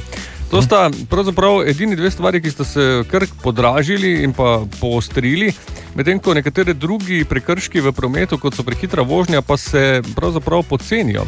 Tako, recimo, če vozite 55 do 60 v naselju, doslej ste plačali 80 evrov, zdaj boste plačali samo 40 evrov za tak prekršek. Ker Recimo zunaj naselja, eh, če peljete 100 ali pa do 110, na mesto 80 evrov, 60 evrov. Uh, točke se dobivajo recimo v naselju šele nad 60, 3 točke.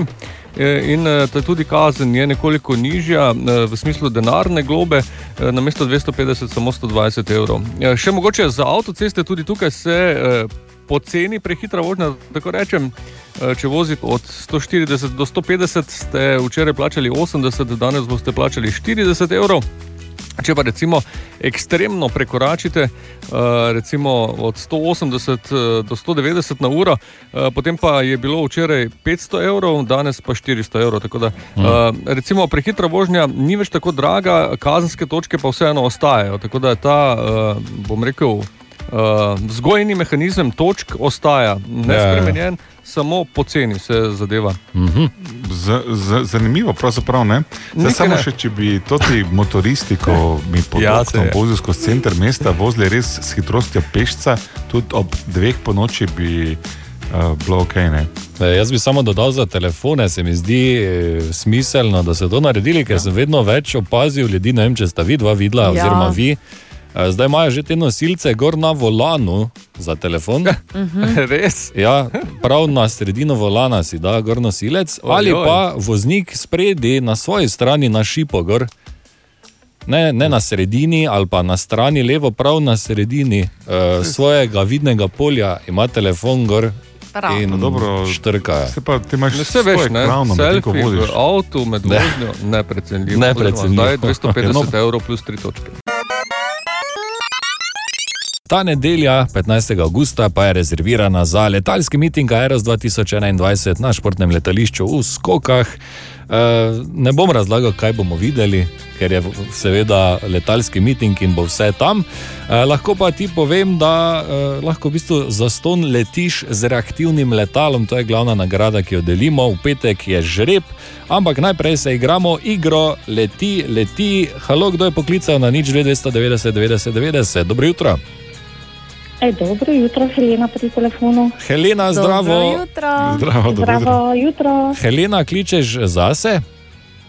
Uh, niti ne, imam A, dva kandidata doma, tako da bomo A, videli. okay. Ne bi ti letela z reaktivcem.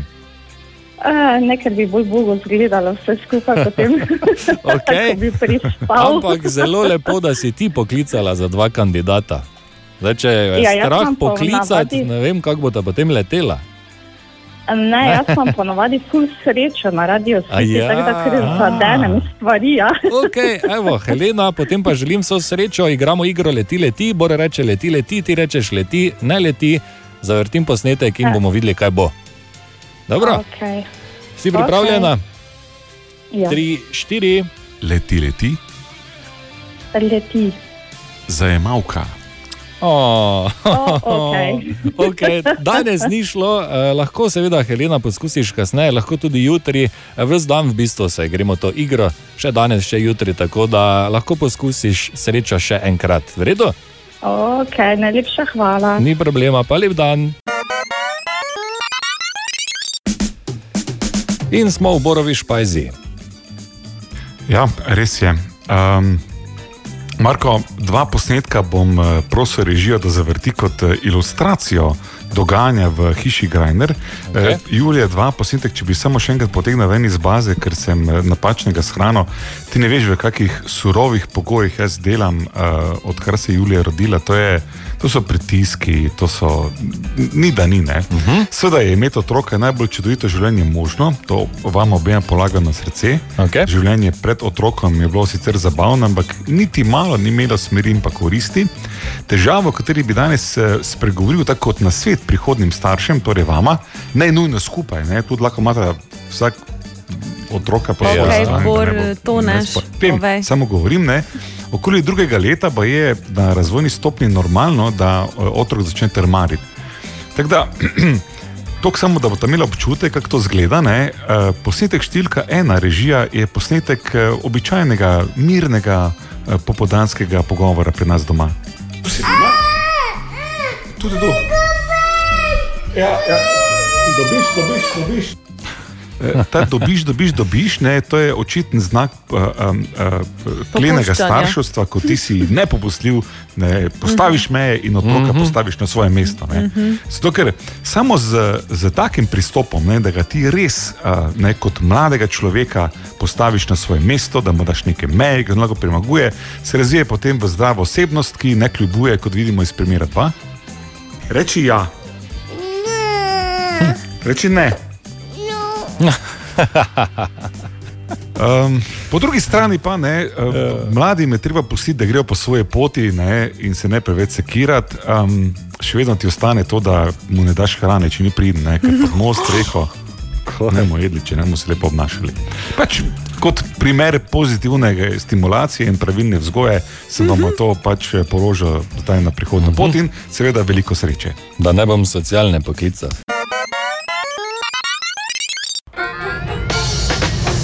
Ne vem, če ste vidva vedela, uh, jaz sem imel tam uh, v otroških letih ali pa tam v srednji šoli, uh, sem bil kar, kako bi rekel, zasvojen s sladkarijami. Kar, kar huda je bilo. Do te mere, da sem jedel milka čokolado za zajtrk. Recimo, ne. bog. Uh, kar pomeni, malo, se- to se ne smije, ali kaj? Kaj? Ja, ni najboljše, ravno. No. Uh, in potem je bilo tudi težje, ko sem prešaltal iz uh, sladkega, takrat, ko me vidiš, kako hudo, mislim, da je dejansko to zasvojenost, sladkor. ne. Uh, ko sem prešaltal recimo iz eh, sladkih pijač na vodo, ne. ker mi je bila voda navadna tako gobna, potem, ko, ker ni bilo nič sladkega, not, da sem, mislim, da sem en mesec sem na silo eksal uh, krigle vode, samo tako, da je čim prej šlo mimo jezika dol v trep. Ne? Tako da, to je bilo včasih, danes sem drugi Marko in, uh, Pije vodo. ja, in pa CD-vito, to še edino, kaj je, ker je dobra. Um, tako da, Katja, ti pa si nekaj pripravlja in me veseli, v bistvu, da morda morda prineseš še kakšno alternativo v moje življenje. Ja, vsem tistim, ki imate težave, da bi popili dovolj vode, sploh zdaj, ko je recimo nov vročinski val, Ja. uh, imam nekaj zdravih nadomestil navadnemu soku, torej temu, ki ima polno sladkorja. Super. Eh, V bistvu, kaj potrebuješ? Sadje, katero koli, ki ti je všeč, lahko so to jagode, banane, maline, limone, jabolka, mango, ingver, eh, zraven meto, eh, različne sorbete in pa nikakor ne smeš pozabiti na limono. Po želji in pa okusu lahko vzameš tudi katero zelenjavo, korenček, rdeča pesa, avokado. Okay. Potem nujno mikser in pa seveda led. Dobro. Izbereš svoje najljubše okuse, recimo limono. Eh, V mikser dodaš potem nekaj ledu, limonin sorbet, nekaj malega ingverja, potem led in vse skupaj preliješ z limonado, zmiksaš in že piješ. Mm. Čakaj malo Sliši dalje, se vse sestavine so mi jasne, ampak limon in sorbet, kaj ni sorbet uh, sladica v bistvu? V bistvu je to zamrznjen, eh, te, ta sladoled na, na način sorbeta. Zamrznjen, no. pa je nezamrznjen sladoled? Zamrznjen sorbet sem želela okay. reči, pardon, no. ne bodimo pikolovski zdaj. Ja, pres, ob 6 pa 13. Glavnem dobiš ga v Ja, ker v jaz sem fan teh trgovini. pijač, ki jih omenjaš, ne, ampak jaz pač dam to neko jagodičo je v hladilnik, v vodo, pa počakam malo, pa je. Ne. A, tak, ok. Ja, ampak um, se dobiš nekaj okusa, ne? ampak ni pa tako dobro, recimo, kot če da prav zmiksaš sveže, sveže sadje. Ne? Ja, Zelo dobra eh, poletna, tako osvežilna pijača je tudi samo navadna voda, pa sveže kumarice, narezane note. Ja, ja, ja, ja, to bi delovalo. Tako čudno je, malo sprva, ampak je dobra. Sploh, če imaš Če si rad noter murke. vrgo vejco rožmarina, samo zato, ker lahko. Ja, v tem pa skumarici. šest limet, pa Ja. ja. korenček bi To- to- razrezal. ja, ja. Tak, take stvari. Ja, pač karkoli v bistvu lahko daš. Ne? Jaz sem zdaj šla recimo na limono, lahko to limono zamenjaš ne vem, s pomarančo in potem dodaš korenček, pa ingver in zmiksaš. Ampak te, uh, če razraven korenček, potem se moramo zavedati, da je potrebno zadevo predsediti, ne? Aha. ker je bolj gosto. Mm. Enako recimo, če daš rdečo peso Dobro. ali kakšno špinačo. Hvala lepa, Katja. Mislim, da bom kar pri CD-viti ostal. Web, web, web, web check. Katja, četrtek, 12. august, kaj se dogaja v svetu, ne vem, estrade ali kaj ne vem. Družbenih omrežij, Družbenih interneta in bedari, bi Ja. ja. lahko rekli, mogoče. Tako. Um, poznamo platformo OnlyFans. Ja. Torej, um, če kdo ne ve, zakaj gre, gre za omrežje, na katerega se v bistvu nalagajo pomanjkljivo na- oblečene fotografije, tako tudi videi punc ali pa tudi moških. In če si želiš ogledati, moraš seveda biti oziroma plačati mesečno naročnino tistemu, ki ga gledaš. Razen če ima zaston. Raz, a to pa ne vem, da gre. Ja. Okay, dobro. Torej, a, sedaj se je oglasila ena od teh punc, ki v bistvu nalaga seksi videe in je povedala, da to počne samo in zgolj zato, ker ji je tako naročil Bog. Je dobro. Mislim, vsak ima nek svoj razlog. Če je to bilo njeno klicanje, kdo smo mi, da bi sodili? Res je. Imamo novo teorijo zarote in sicer so nekateri ljudje prepričani v to, da so že pred 25 leti pričeli klonirati ljudi.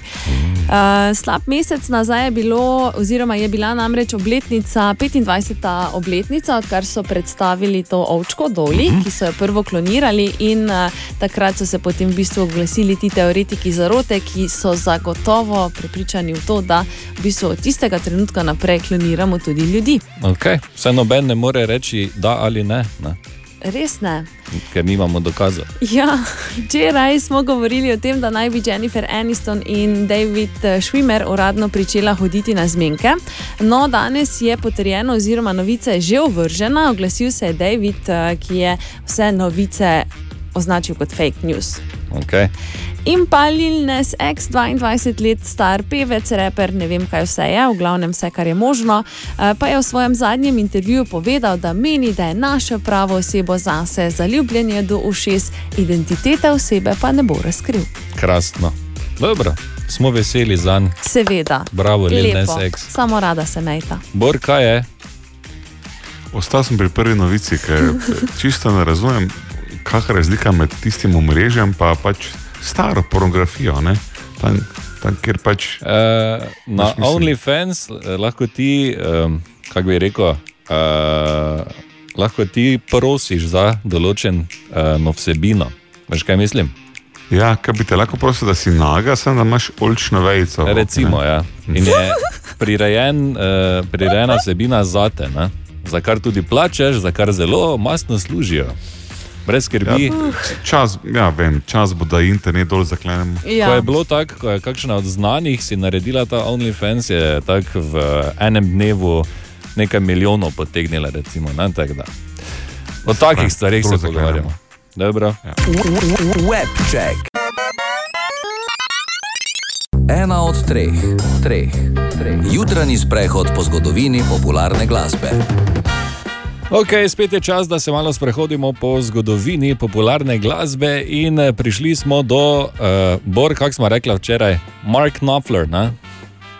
Mike Knopfler. Če bi rekli američani, ne? Zdaj, ker je ja. Britanec, bi malo drugače. Če bi bil Nemec, bi bil verjetno Mark Knopfler ali pa nekaj takega. Knopfler. Ok, dobro, ti si. Britanci pa ki? Nemec. Mike Knopfler. Tako, Okay, danes praznuje, poznamo seveda iz Dar Streco, ne, ampak tudi solo karijera je uspešna. Danes praznuje 72. rojstni dan in eh, recimo na lestvici Rolling Stone 100, eh, oziroma 100 najboljših kitaristov vseh časov je uvrščen na 27. mesto. Bravo. To je precej visoko. Njegova glavna kitara je rdeča Fender Stratocaster eh, kitara in po njegovem imenu je poimeno- poimenovan tudi eden od dinozaurov. To je velika čast, ne? tako imamo mi dva eh, s Tomažem, recimo svoj sendvič, to je meni največja čast na svetu.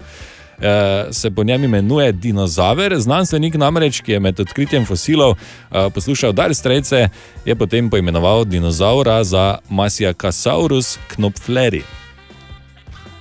Lepo. Lepo, ne?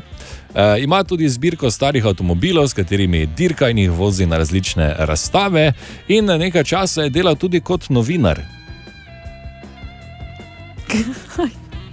Ja, kaj še? Mislim, Ne? kaj še, Ja. ja. točno to.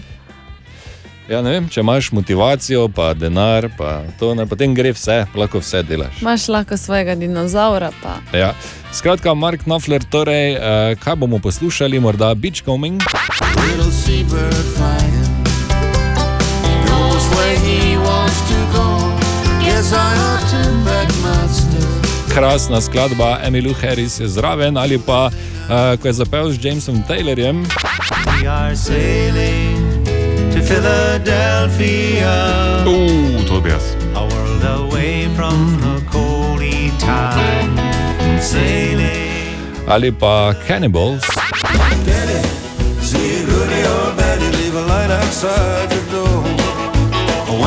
Time, ali pa s Chatom Atkinsom, Porboy Blues.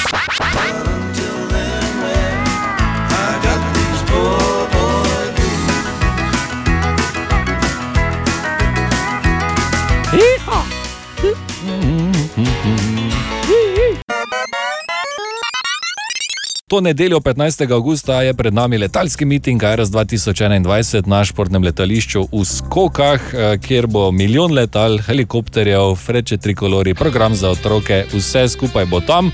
Vzami si en zložljiv stol, eh, vzami si eno eh, dekico, da bo tam udobno na prostem in potem lahko uživaš. Drugače pa lahko uživaš tudi v zraku z reaktivnim letalom L29 Delfin, to je ta nagrada, ki jo podelimo jutri. Igramo pa igro Leti, leti in kdo bo igral? Halo, dobro jutro. Halo? Halo? Ja, kdo kliče? Simona, eh, Simona, dobro jutro, povej mi, eh, kličeš zase ali za koga drugega? Mislim, da kar drugega. Aha, ok, dobro. In to z bajonetom v hrbet, no te. Zelo plemenito eh, dejanje, Simona. Tako da, če si pripravljena, igro poznaš, ne? Poznam. Bor reče. Leti, leti. In Simo, Leti. Simona reče leti in. Netopir. Bravo! Netopir leti, evo. Netopir leti, Simona, tako si v žrebu. Uh, jutri bo torej žreb in eh, te obvestimo, če bo nagrada tvoja. Dobro? Dobro, hvala. Vso srečo in lep dan, adijo.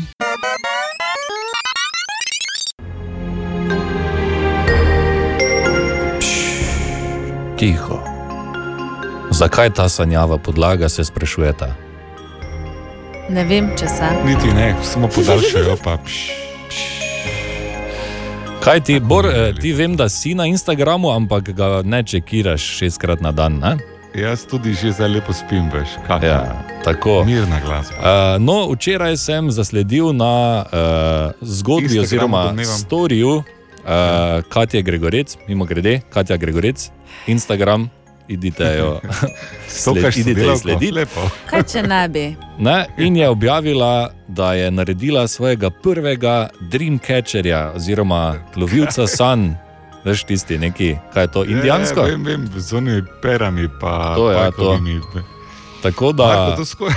Kaj? to, to, da, to, da najna sodelavka dela Dreamcatcher, je skoraj kliče po enem ekskluzivnem intervjuju, se meni zdi tako, da, da neko podlago, da, da je bun sanjal podlago, pa da je nekaj malo bolj resno, novinarsko. Ne? Novinarsko.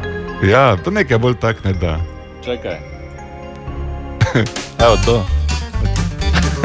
Eh, Spoštovani dame in gospodje, dobrodošli na valovih Radio City. Danes je z nami mlada pomurka iz geografskega trikotnika Grabonož, Blagotinci, Blaguš, oziroma kot jim rečejo, pomurske Bermude, Katja Gregorec, Katja, dobro jutro. Dobro jutro. Eh, Kaj vam domači rečejo? Katja, Katica, Katka, Keti, Ne, Katja sem. Katja preprosto. Tako. Eh, Gregorečka, Gregorečeva. Gregorečka tečka, tako so me klicali v osnovni šoli. Aha, razumem. Eh, Torej, eh, Katja Tečka Gregorečka s polnim imenom. Eh, Katja, vi ponovno izdelujete lovilce san, to je vaš hobi. No, ja, probala Čestitam, sem. Ja. izjemno. Ena od prvih sloven, ki se je po kleklanju preusmerila v to ožjo nišo. Ne? Recimo. Recimo, ja. torej, po kakšnem principu, Katja, na tanko pa deluje ta lovilec san? Ja, naj bi ujel grozne sanje, ne? Da, Ja, kaj z malimi rokicami? ne, z temi vozli, ko jim.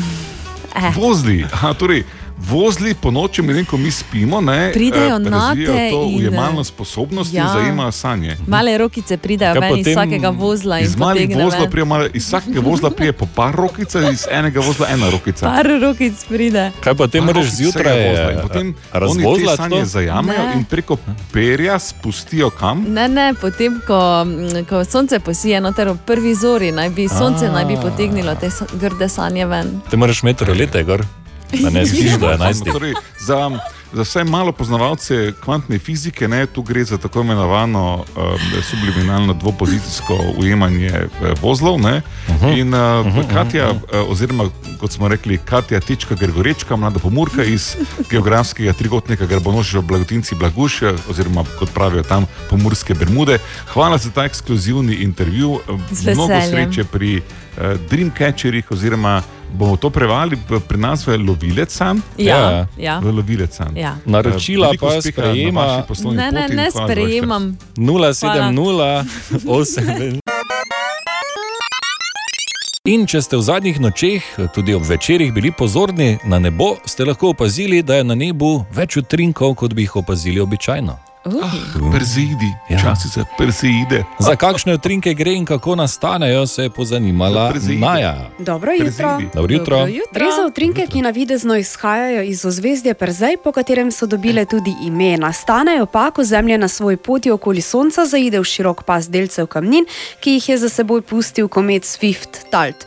Roman Odsvirk, profesor fizike in predsednik astronomskega društva Kovci Šentjur, pojasnjuje. In zdaj mi zaidemo v te koščke prahu, jih pravzaprav naša Zemlja povozi in ti delčki eh, zaidejo v našo atmosfero z zelo veliko hitrostjo in potem v naši atmosferi tudi zažarijo, zgorijo in pustijo tako svetlečo sled za sabo. Te utrinke z domačim izrazom imenujemo tudi solze svetega Laurenca, saj maksimum dosežejo približno v času, ko goduje sveti Laurenc.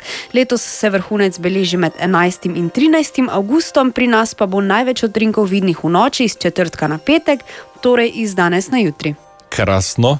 Kje in kako pa lahko utrinke opazujemo, in ali potrebujemo morda za opazovanje tudi teleskop?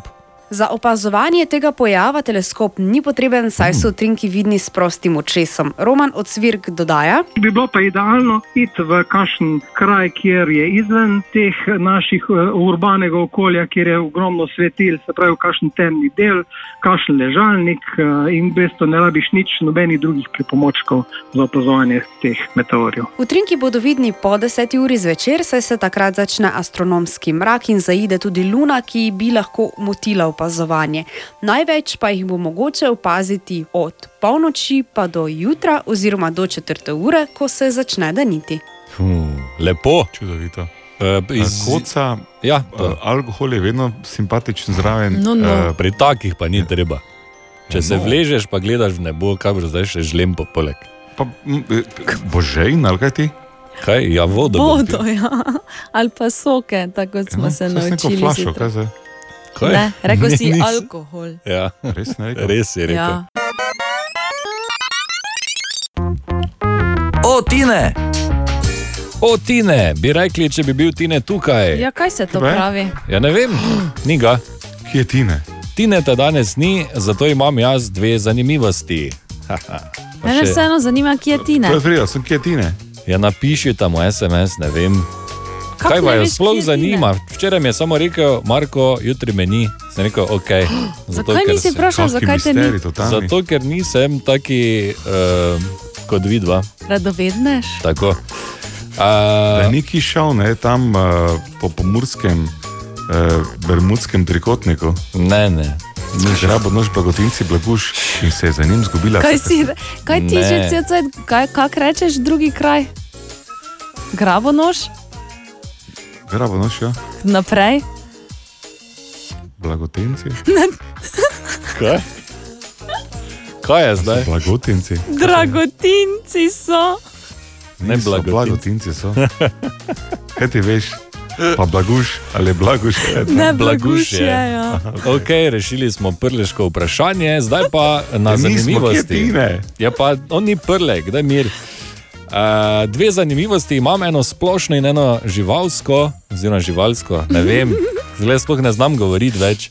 Uh, gremo po vrsti. V 20. in 30. letih prejšnjega stoletja so zdravniki skušali ozdraviti gluhost in naglušnost. Ja. E, menili so, da jim bo pomagal nenaden strah, zato so pacijentom predpisovali lete z akrobatskimi letali. Pacijenti ja, pa tega niso vedeli. Tako da, ko so bili v zraku, je pilot nenadoma začel sukati letalo v vse smeri, začel prosto padati ter izvajal vse ostale trike, in ni pomagalo. Eh. Ne? So hitro ugotovili. Okay, uh, drugo pa seveda živali, ker je danes svetovni dan slonov, tukaj je ena zanimivost o pticah.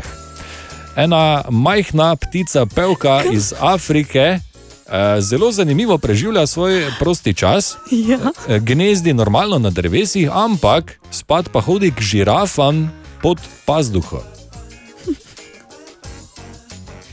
Okay. Dokumentirano je, da so našli največ sedem teh ptic, ki so žirafi spale pod pazduhami. Kako je pa žirafa ne ubije? Zgodaj ima pa žirafa pazduho. Je pa tam, ko štiri pazduhe ima, predstavljaj Je si. noge, ima, ne, imaš ti tudi pazduho pod nogami. Ja, lahko bi rekel, kako naj drugače rečem, vem, tisti zgib, gubi, med- kjer ja.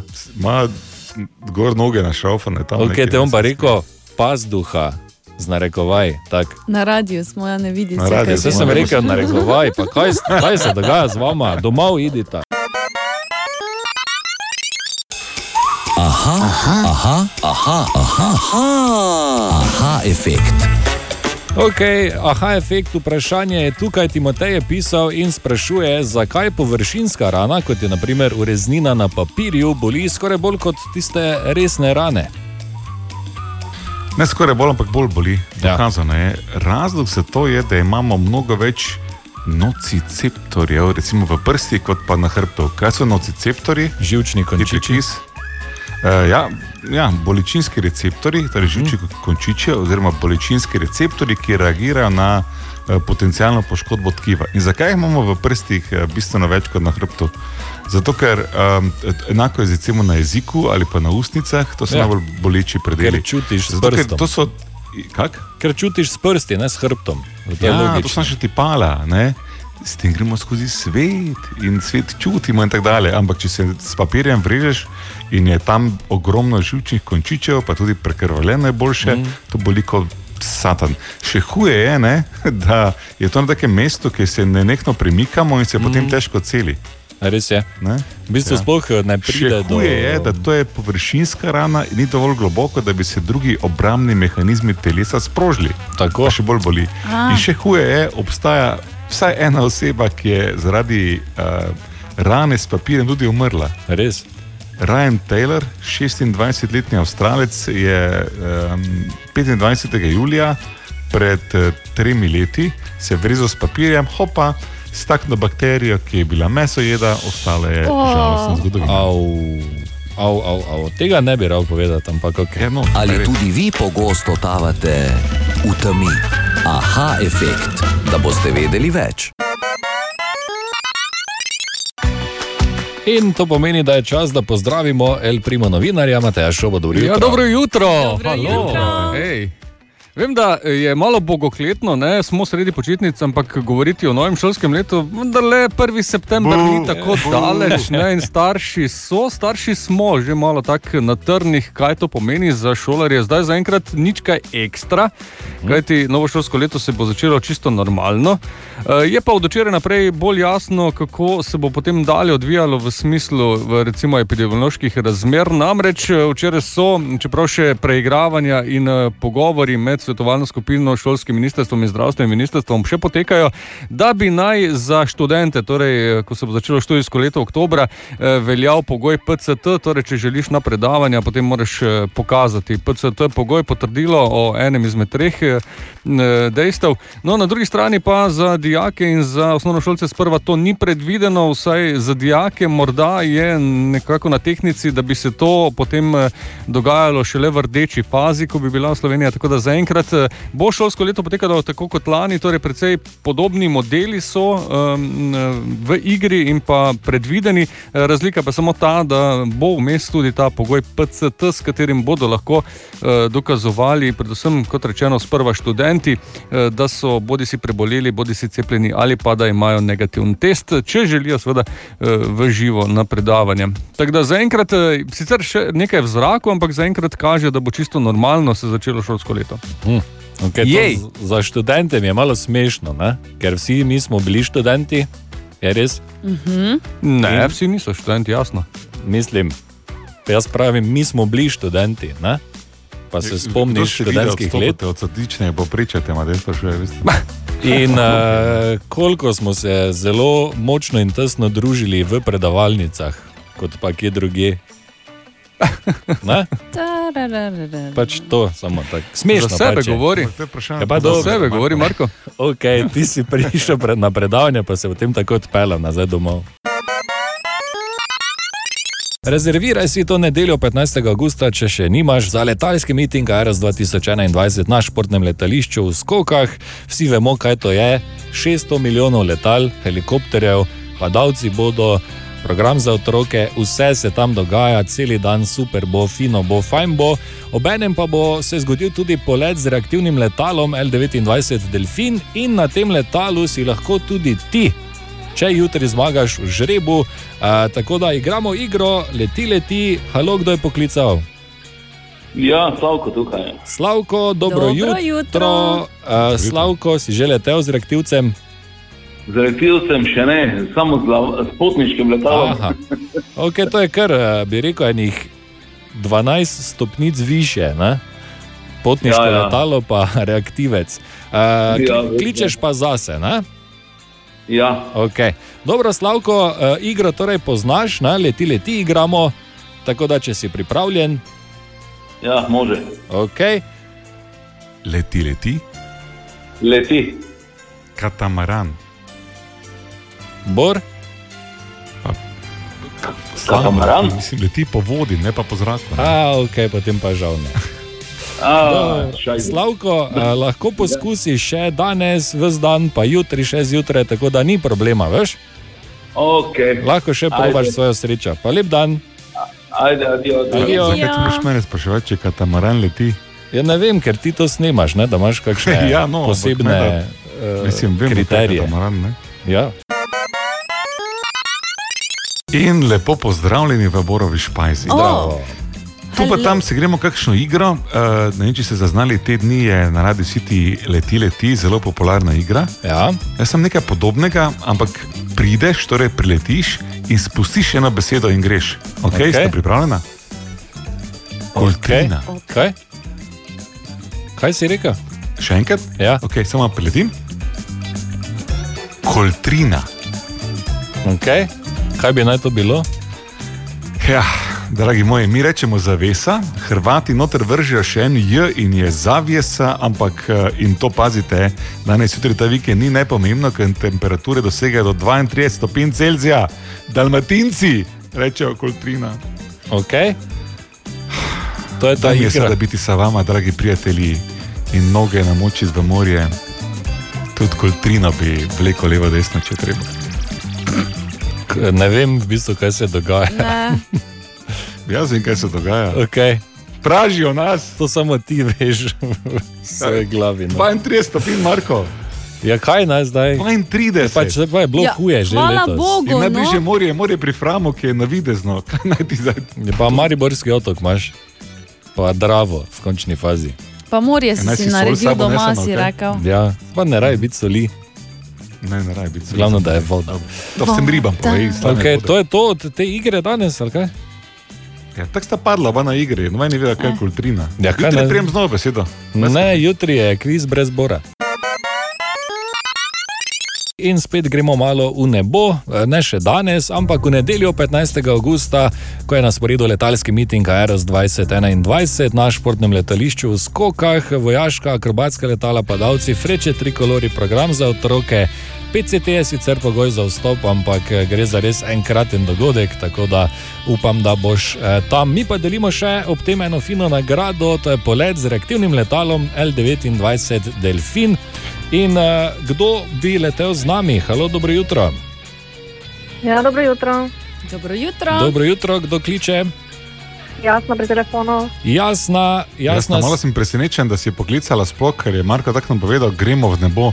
Zadnji v nebo hod, ko se je zgodil, ne, koliko se jaz spomnim dobro, ne, je bil kar daleč nazaj, več pa id v nebo vedno pomeni, da pač te greš, ne, v večna lovišča. Eh, ali pa to si samo si Ja, no, tako sem razumel, ne.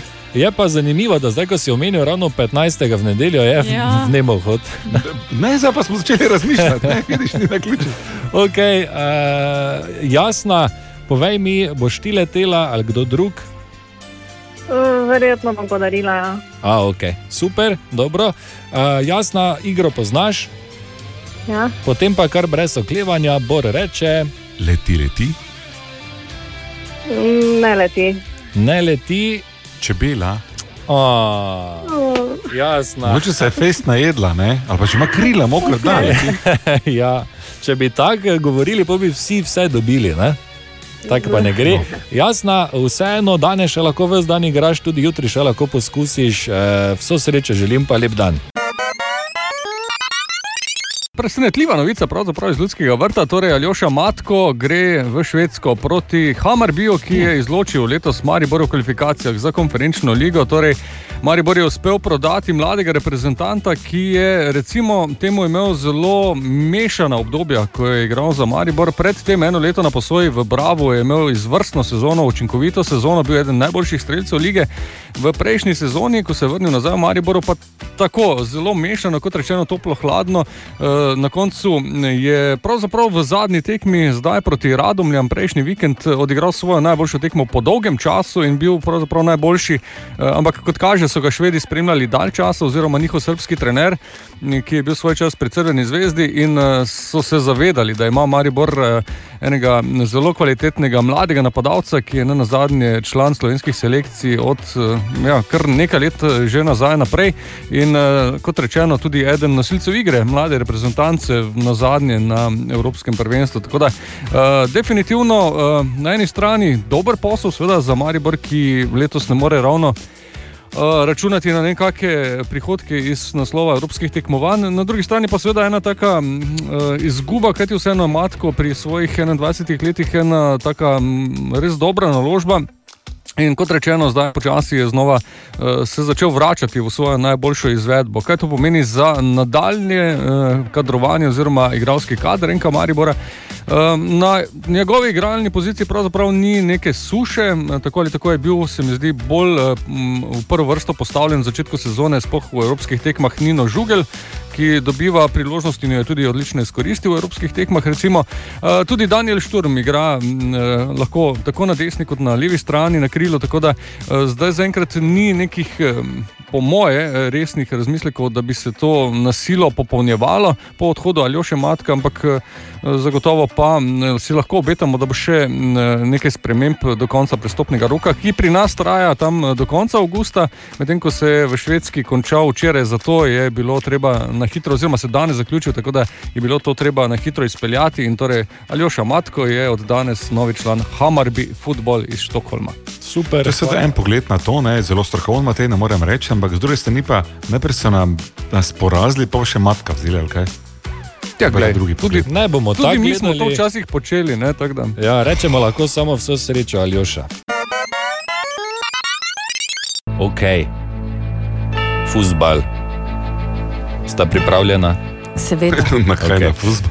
Ja, ne vem. Včeraj smo že slišali iz ljudskega vrta, so prišle kadrovske novice, Aljoša Matko zapušča NK Maribor, ne David. Tako drži, seli pa se v klub, ki je enka Maribor letos izločil v Evropi, torej na Švedsko, v Štokholm k Hamarbiju. Sta pa klub zapustila tudi Amir Deriviševič in Špiro Peričič, ki sta sporazumno prekinila pogodbi. Trener Rožman pa ostaja osredotočen na kader, ki je trenutno na voljo. se osredotočim predvsem na kader, ki ga imam. Jaz težko komentiram vse ostale stvari.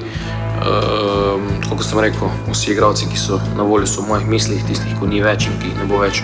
Um, bom rekel, se ne obremenjujem s tem, ampak samo s tistimi, ki so bom rekel, po eni strani zdravi, po drugi strani maksimalno pripravljeni, da bi lahko na naslednji tekmi bom rekel, bili na maksimalnem nivoju in uh, bom rekel, to tekmo dobili. V ekipi so imeli sicer nekaj težav z anginami, več o odsotnostih na jutrišnji tekmi pa bodo pokazali današnji testi. Okay, že jutri pa sledi nova tekma v Ljudskem vrtu in sicer prihaja v Maribor vedno neugoden tabor Sežana. Ne? Tako tabor prihaja z eno zmago, enim neodločenim izidom in eh, dvema porazoma. Ta trenutek so šesti na lestvici in imajo štiri točke. Pričakujemo tako lahko, kot vedno, zgoščeno obrambo in pa nevarnosti iz proti napadov, torej klasični bunker, trener Rožman razlaga. Dobro, igramo doma, se pravi, da pred našimi navijači, na, mislim, na normalnih dimenzijah. Sigurno bo, bom rekel, ta nizek, plitek blok nekako treba prebiti. Mislim, da nam je v prvem polčasu v Domžalah zelo dobro uspevalo. Eh, V drugem polčasu smo bili malce nenatančni v svojih pozicijah, imeli malce, malce slabše tajminge po globini in to je stvar, ki smo jo poskušali še v tem tednu rešiti. Ni pa to samo en del, ki ga želimo izvajati, ampak tudi, bom rekel, ostale, kar se tiče faze obrambe Je pa ekipa letos precej slaba v branjenju prekinitev, to je pokazal tudi večni derbi Marko Albir. Pa Kruz. Čez teden smo na treningih delali na prekinitvah. Mislim, da smo dobro popravili stvari, vse bomo dali od sebe, da bomo mi dali gol iz prekinitve in da ga ne bomo prejeli. Tekma torej jutri ob 20.15 prenos slišiš na našem radiju. Tako eh, prenos bo. Uhuhu. Petek 13 je danes, eden in edini letos. In kot vsako leto, ko je petek 13, ponovimo vajo. Strah pred številko 13 se imenuje Triska idekafobija. Bravo.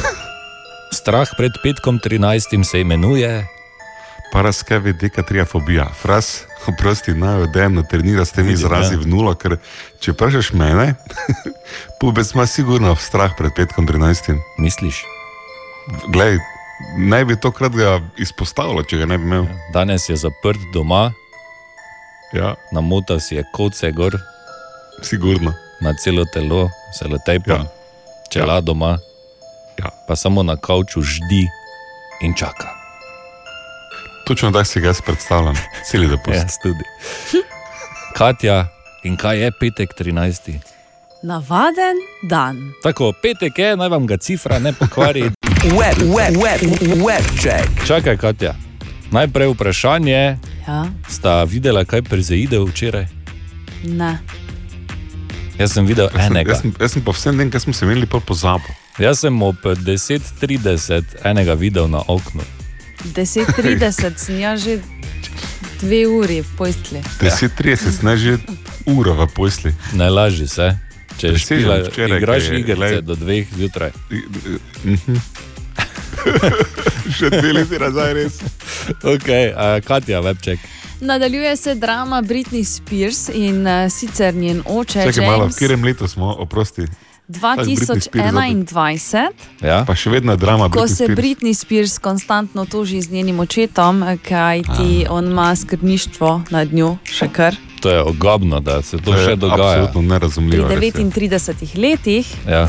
A, No, te, torej njen oče eh, se je sedaj odločil, da se odreče temu skrbništvu. Res? Ja, ampak, Ja, valjda. Ja. seveda, prihaja ampak, bo moral za njo skrbeti nekdo drug. Ok, sama. Recimo, Ja, recimo. To je en predlog, naj sama skrbi zase. Ja. Dosti ljudi je tam zunaj, ki ne bi smeli skrbeti sami zase. Pa tako Da lahko, ne? mislim, da si Britni to zasluži. Res je. Veliki problem denar, ko ga ima. Ja. Ni hmm. to problem. Ne? Hmm. Mogoče pa bi lahko bil. Dobro. Ashton Kutcher in eh, Mila Kunis sta nekaj časa nazaj v enem od uh, intervjujev povedala, da se ne tuširata vsak dan. O tem smo že govorili v bistvu več, kot če se morda spomnite. Uh, ona si umije intimne predele in pa stopala, on Zakaj? pa samo intimne predele.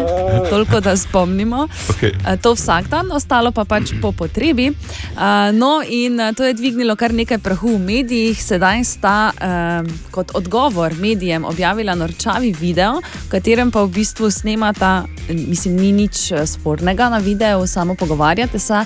Pogovarjate se, kako tuširate otroke, in da, Mm. ojoj, že četrti dan v tednu jih tuširate. Oh, ne, joj. Tako da pa v se ni bistvu sta- zdravo, da se vsak dan tuširaš. Dobro, zdaj da ko je vroče, Tako da doma ta pogovor. Ja, imam suho kožo, tuširaj se.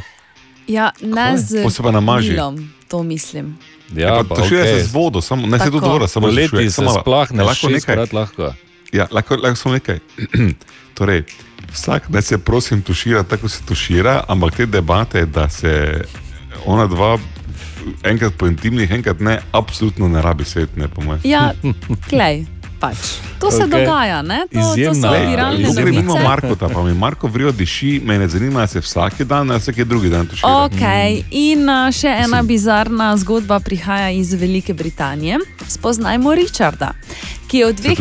No, Ja, ne vem, gremo okej. ampak ima pa eno drugo. Ne vem, če je to napaka, pač glavnem. Posebnost. Posebnost. V dveh letih je opravil 1263 klicev na nujno medicinsko številko. Okay. Zakaj? Tam se je pretvarjal, da je starejša gospa, ki ima težave s stopali. Samo zato, da bi se z ljudmi tam lahko pogovarjal o svojih stopalih. Mhm. Kaj ti ima food fetiš? Okay. Tam, ko si rekla, da se, stopalih. da se je Ja. predstavljal kot starejša ženska, sem tako na tinčeka pomislil. tako da- Kaj studi, spet Dober večer. Mogoče on kliče. V dveh letih je tako v bistvu zapravil 30 tisoč dolarjev Ja, krasno. za to, da se je pač lahko on pogovarjal. Za o- kakšne stvari imajo ljudje denar, to mi je vedno fascinantno. Samo malo, zakaj pa klic na. Ne, ne, v bistvu nujno medicinsko pomoč je to toliko stalo. A ja, okay. Ja, sem to ravno reči, zakaj, Ja. zakaj bi on plačal to? Razumem, pardon. Okay, zelo zanimivo Mislim, da je nam porabil denar. Za petek, hvala lepa, Davkoplačevalcem. Katja. Ja, ti pa res plačuješ tam. Britancem, ne, ampak ok. A ja, oni so šli za unije, Ja, v redu je. Ja. Webcheck. Tako, statistični urad eh, Republike Slovenije, SURS, je pred dnevi imel eno nagradno igro, ne vem, če sta zasledila morda. Ne. Iskali so uh, najbolj posrečena oziroma neposrečena imena krajev v Sloveniji. In uh, nabralo se jih je logično ogromno. Uh, jaz sem med njimi, malo sem jih prečesal in izbral, izbrskal 12 takšnih, ki so mi bila res najbolj neposrečena, če vaju zanima. Seveda, Seveda, to, ga- Drugače dam muziko, pa gremo naprej. Ne, ne, Ne, ne, ne, okay. super, jaz sem se spomnil na avstrijski fucking. Ne? Ja. Vidimo, če, če vse blizu pridemo. Mislim, da so ga, verjetno je fucking, ne, če je avstrijsko. Ja, no, ampak tako američani izgovarjajo. A ja, ne? to pa ja. A mislim, da so ga preimenovali Tako. zdaj pred kratkim. Ja, ja, ja, ni Zato, več ker so- ker so kradli ja, table. Ja, okay, uh, vrnimo se v Slovenijo in uh, tukaj je prvo nenavadno ime vino. V občini To je Grosud. nenavadnega, ne? to je pač, Pač pač ime smešno. ki lepo Ja. govorijo No, prebivalci. že naslednje je precej drugačno, svinsko v občini Sevnica. Ja. Potem imamo recimo Pedrovo, občina Nova Gorica. Lepo. Imamo Bruhanjo vas, ki je sicer, eh, sicer naselje, ampak je v občini Dobre polje in se imenuje Bruhanja vas. Eh, meni najljubša verjetno iz tega seznama v občini Litija, kon. K-O-N-J. kraj Tomaža Medvara, verjetno. Tako, res je. Prikriti. Uh, znojile so kar v petih občinah v Sloveniji. Mhm. Potem imamo zadnjico, ki sicer ni vas, je pa dolina v Julijskih Alpah, blizu Lepa. Trente. Uh, velike rebrce, občina Ivančna Gorica. Jaz doma ti, pa v velikih rebricah. Ja. Potem imamo še eno s hrano povezano, Huda južna, občina Tolmin. To se skupaj piše na razen. Skupaj je, tako da morda huda južna. Ja. Lahko je tudi huda južna. Ne? Mislim, jaz Huda ne vem, kako, kako se eh, Izgovarjajo. izgovarjajo ti kraji, ker prvič slišim. Ja. Tako da jaz jih izgovarjam. Vemo, da se izgovarja tako, da ga lastnik izgovarja. Ne? Ja, ja, ja. Ampak jaz, pred, jaz ga naglasim tako, da je meni smešno. Okay? Tako da je huda južna. Uh, Fučkovci, občina Črnomelj. Bi si prej mislil, ker so ci, ne, da so kje tu uh, v meni, severovzhodni. Ja, v Fučkovci. Sloveniji. Fučkovci. Na Fučkovci bi lahko bili, recimo. Fičkovce. Fučkovci. Uh, malo hudo, spet iz Ivančne gorice. Mislim, tam imajo dosti takih. In pa teterere, zgornje mlade tiče. Čakaj, tu pa je mogoče si z naglasom malo svalil, ne? da niso ja. mladetiče. Verjetno so mladetiče, ampak se pravim, jaz jih izgovarjam tako, da je meni smešno. Tako da zgornje mlade ti tiče. Zgornje mlade tiče. Mhm. Občina ja, Sevnica. Razumem, zakaj bi tako izgovoril, ampak mogoče veš, se, nisem mi da primerna, da odločimo to končnem na glasu. Katja, kako bi ti izgovorila ta kraj iz Sevnice? Vino. Ne. ne. Saj, so, verjetno so mladetiče, ne? ali pa.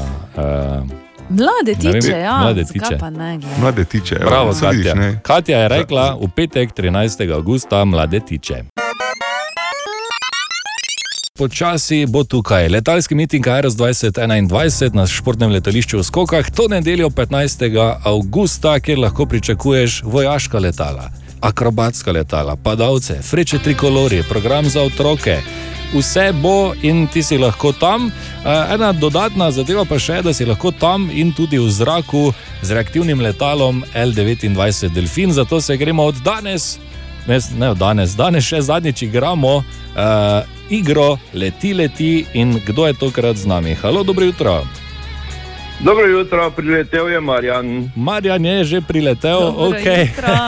Marjan, vprašanje Dobro tudi, če boš poletel v nedeljo. Eh, Si že letel z Točno reaktivcem? Eh, Z reaktivcem ne, ono sem že poskusil, reaktivec pa ne, to Ok, je pa novi izziv. Kaj pa z akrobatskim? O, ne, to pa ne, to pa ne vem. To, Ne, jaz ne vem, če bi se strinjal, moj želudec s tem. Ne? Jaz samo to Ja, obima odsvetujem. A ja, resno. Bor Verjamem. Bor. Jaz pa, jaz pa popolnoma podpiram. Okay, Katja bi letela z vsem. Katja, Bom podaril, ni problema. O, super, hvala. Okay, Marjan, uh, gremo igro leti, leti, poznaš, veš, kako se igra. Poznam, poznam, ja. Tem pa prisluhni 3, 4. Leti, leti. Ne leti. Ne leti. Avto. Bravo. Bravo. Ne leti, bravo. Enkrat morda, ne? no. čez Ja, 50 mogoče let, ja. morda bomo rekli, da avto Ja. leti. Ne, prej, Marko, prej. Prej. 25. Dobro, Marjan, Ja. ver, jaz ti verjamem na besedo. Pa se čez 50 let Ok, slišimo, če ne bo. Uh, evo, Marjan, Ok, si no. v žrebu, poslušaj potem čez eh, dve uri eh, in bodi pri telefonu. Dobro? Super, bom velja, hvala. Ok, lep petek, lep vikend, še- adijo. Enako ekipa, nasvidenje. Adijo. Adijo. Katja, kaj imaš za nas? Lifehack, bistvu- oziroma kako je rekel Tomaš, življenjski kramp, ali Ja. kako je že dan eh, uporabno in ne vem, življenjski nasvet je. Zanimivo. Uporabno in zanimivo. Uporabno in zanimivo. Mislim, da. Nekaj takega, ja, zanimivo. Uporabno in in dobro, uporabno. uporabno in fajn, tak- uporabno. Ja, Skratka, wow, tema. življenjski nasvet, Katja. Torej, v bistvu uh, ni za nas, je bolj za vse, ki še hodijo v šolo ali Ok. okay. študirajo. Ja, no, vse. In mislim za nas. V jutranji ekipi to Ja, sem mislila, ja. ja, ker od, noben od nas več ne študira. Torej, pred testom oziroma izpitom eh, si na svoj listek, oziroma si na en listek napišite vse skrbi, ki jih imate. Mhm. Mhm. Kaj ti to potem ful pomaga pri tem, da v bistvu boljše pišete teste ali izpite.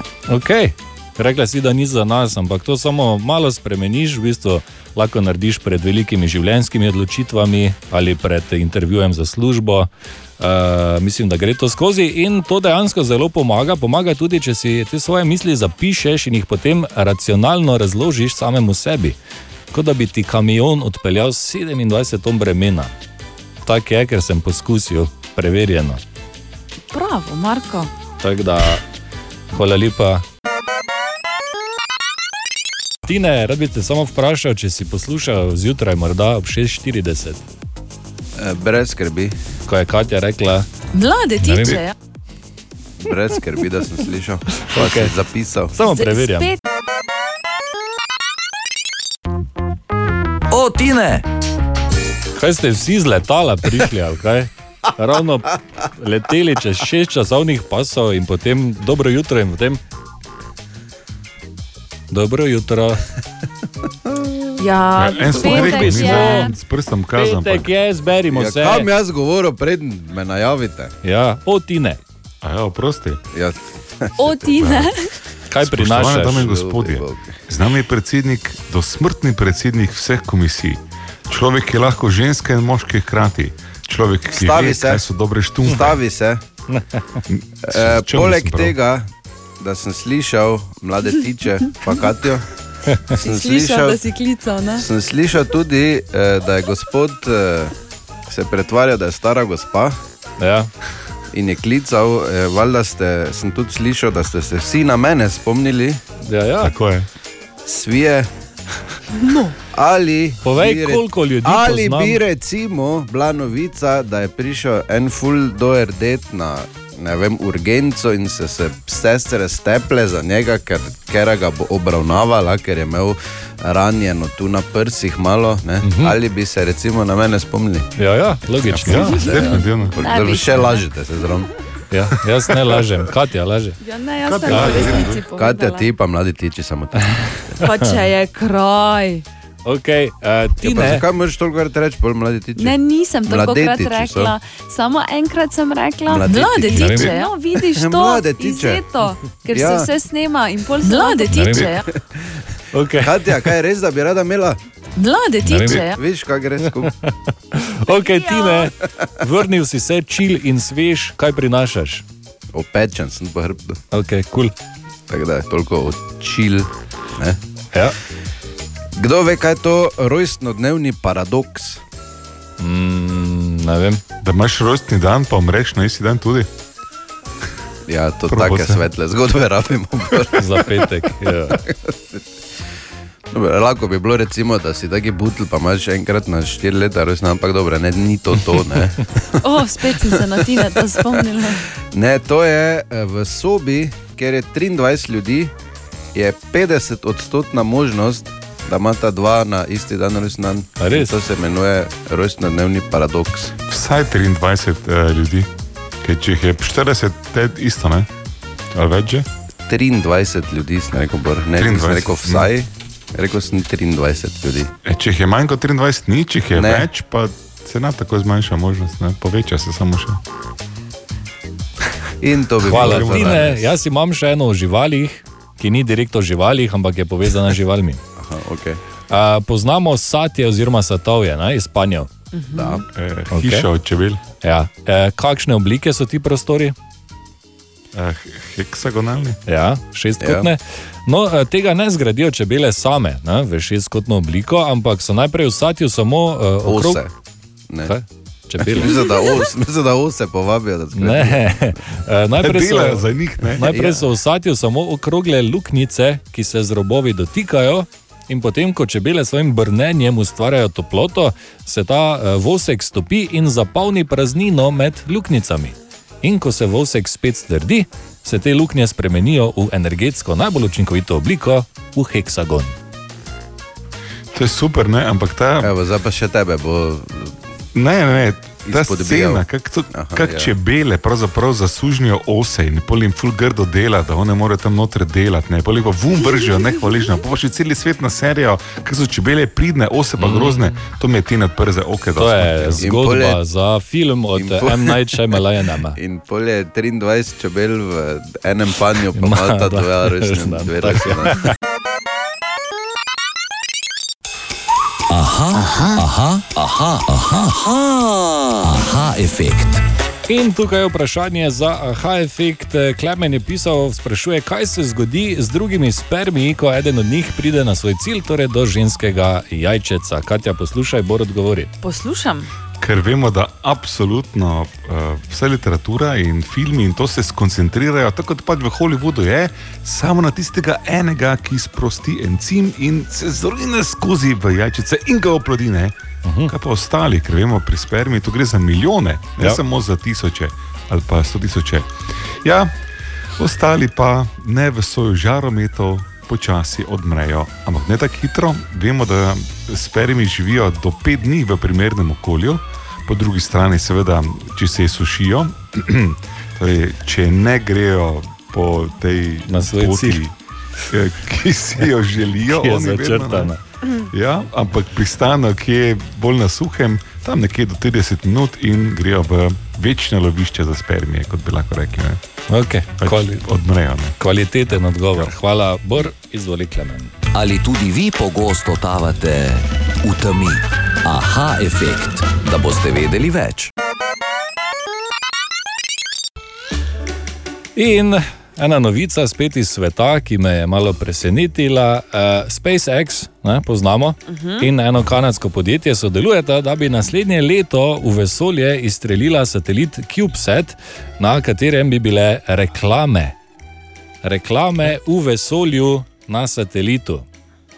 Čakaj, Na gor satelitu, ja, bi bili, bi bili let zaslonjeni, ali kaj ne razumem. Ja, ja, ja, iz satelita pa potem ven taka ročica, selfie stick, v bistvu, na katerem bo kamera, ki bo snemala reklamo in bo potem to v živo predvajano, recimo na YouTubu ali pa kje. Tako da boš lahko gledal wow, Hm. hm. reklame. In jaz vem, točno vem, da bodo gor na eh, teh satelitih ti velikani, ki tako ne rabijo reklame več. ne. Coca-Cola bo, pa McDonald's, pa ne vem, Nutella, veš kaj mislim ko noben tega uh, več ne rabi. Bi pa rad, recimo, v času svojega življenja videl v vesolju na satelitu, recimo, reklamo za meserijo fekonja. To bi bilo, recimo, kul, cool, ne? ne pa Ali pa Coca-Cola. čas, če zdaj silimo svoje meserije ven. Ne? Ja, ne vem, na pamet sem rekel. Mislim, Marko, to je absolutno največja in najbolj neumna potrata denarja, za katero sem za časa svojega dolgega življenja slišal. To presega celo te zadnje milijonarske izlete, ko so šli na rob vesolja, ne, malo pogledati, kak je skoraj biti vesolec. Vsaj za trikrat jih presega. Prosim, samo ne iti preveč globoko v to. Katja, jaz sem specialist za globoko. tako da.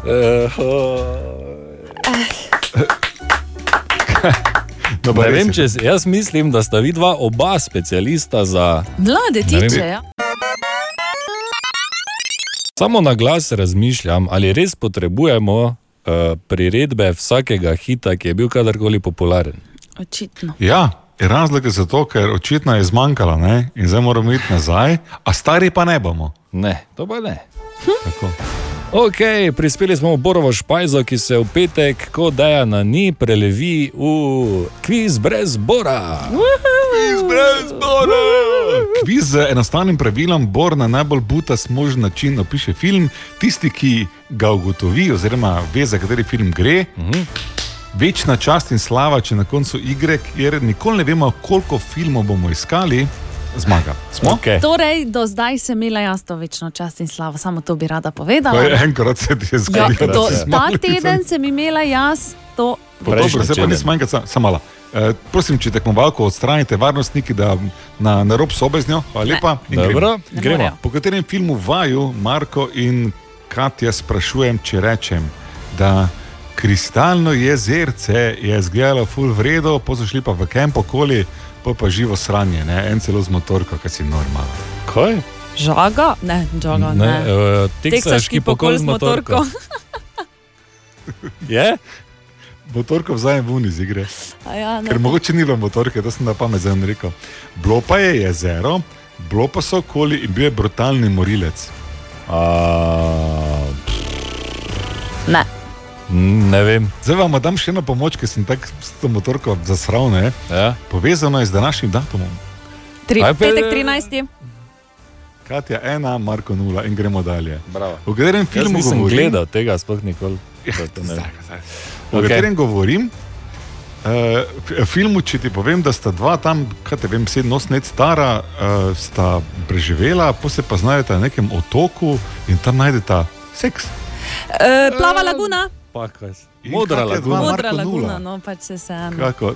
Pa plava laguna. Plava je, ne? So prevedli. Plava Ne vem. je, ja. Eh, plava. okej.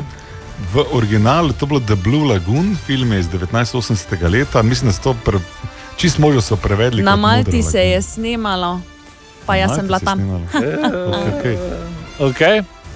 Um, oba sta bila uh, slaba, ampak samo en je bil v zaporu, pa se pa združite nazaj in ugotovite, da to, totalno vrejo pojete blues.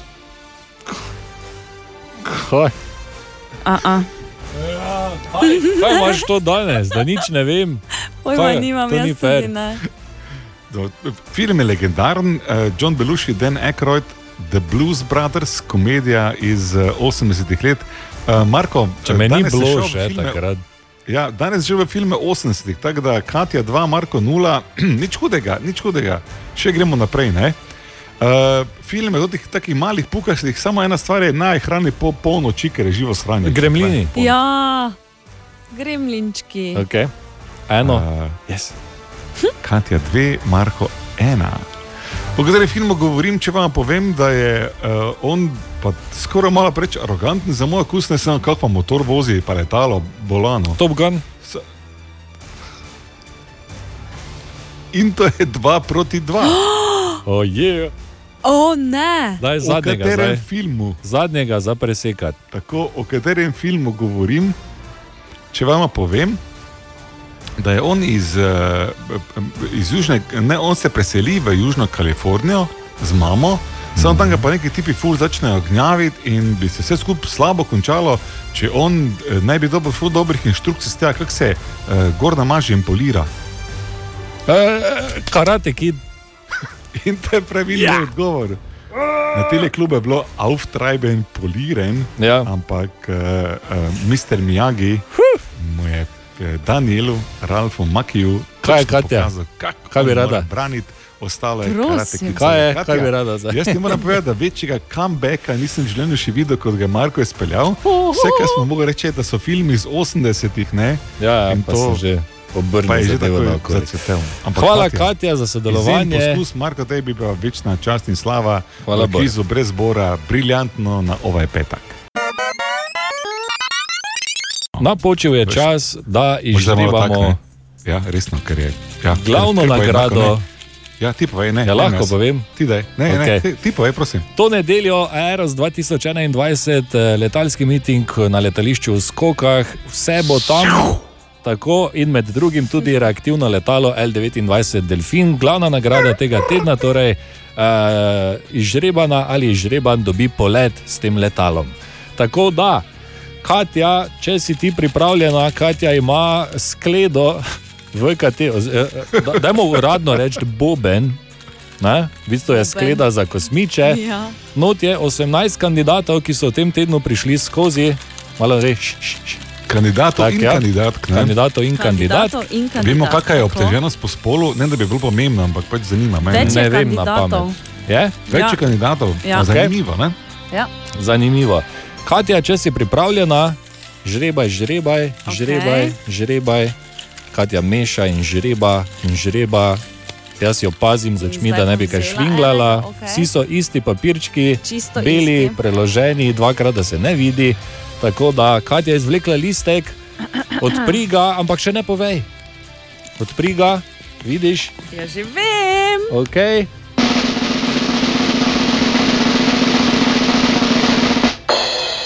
Katja, kdo? Simona Donko. Simona, Ok, Simona Donko, to je zdaj prvo.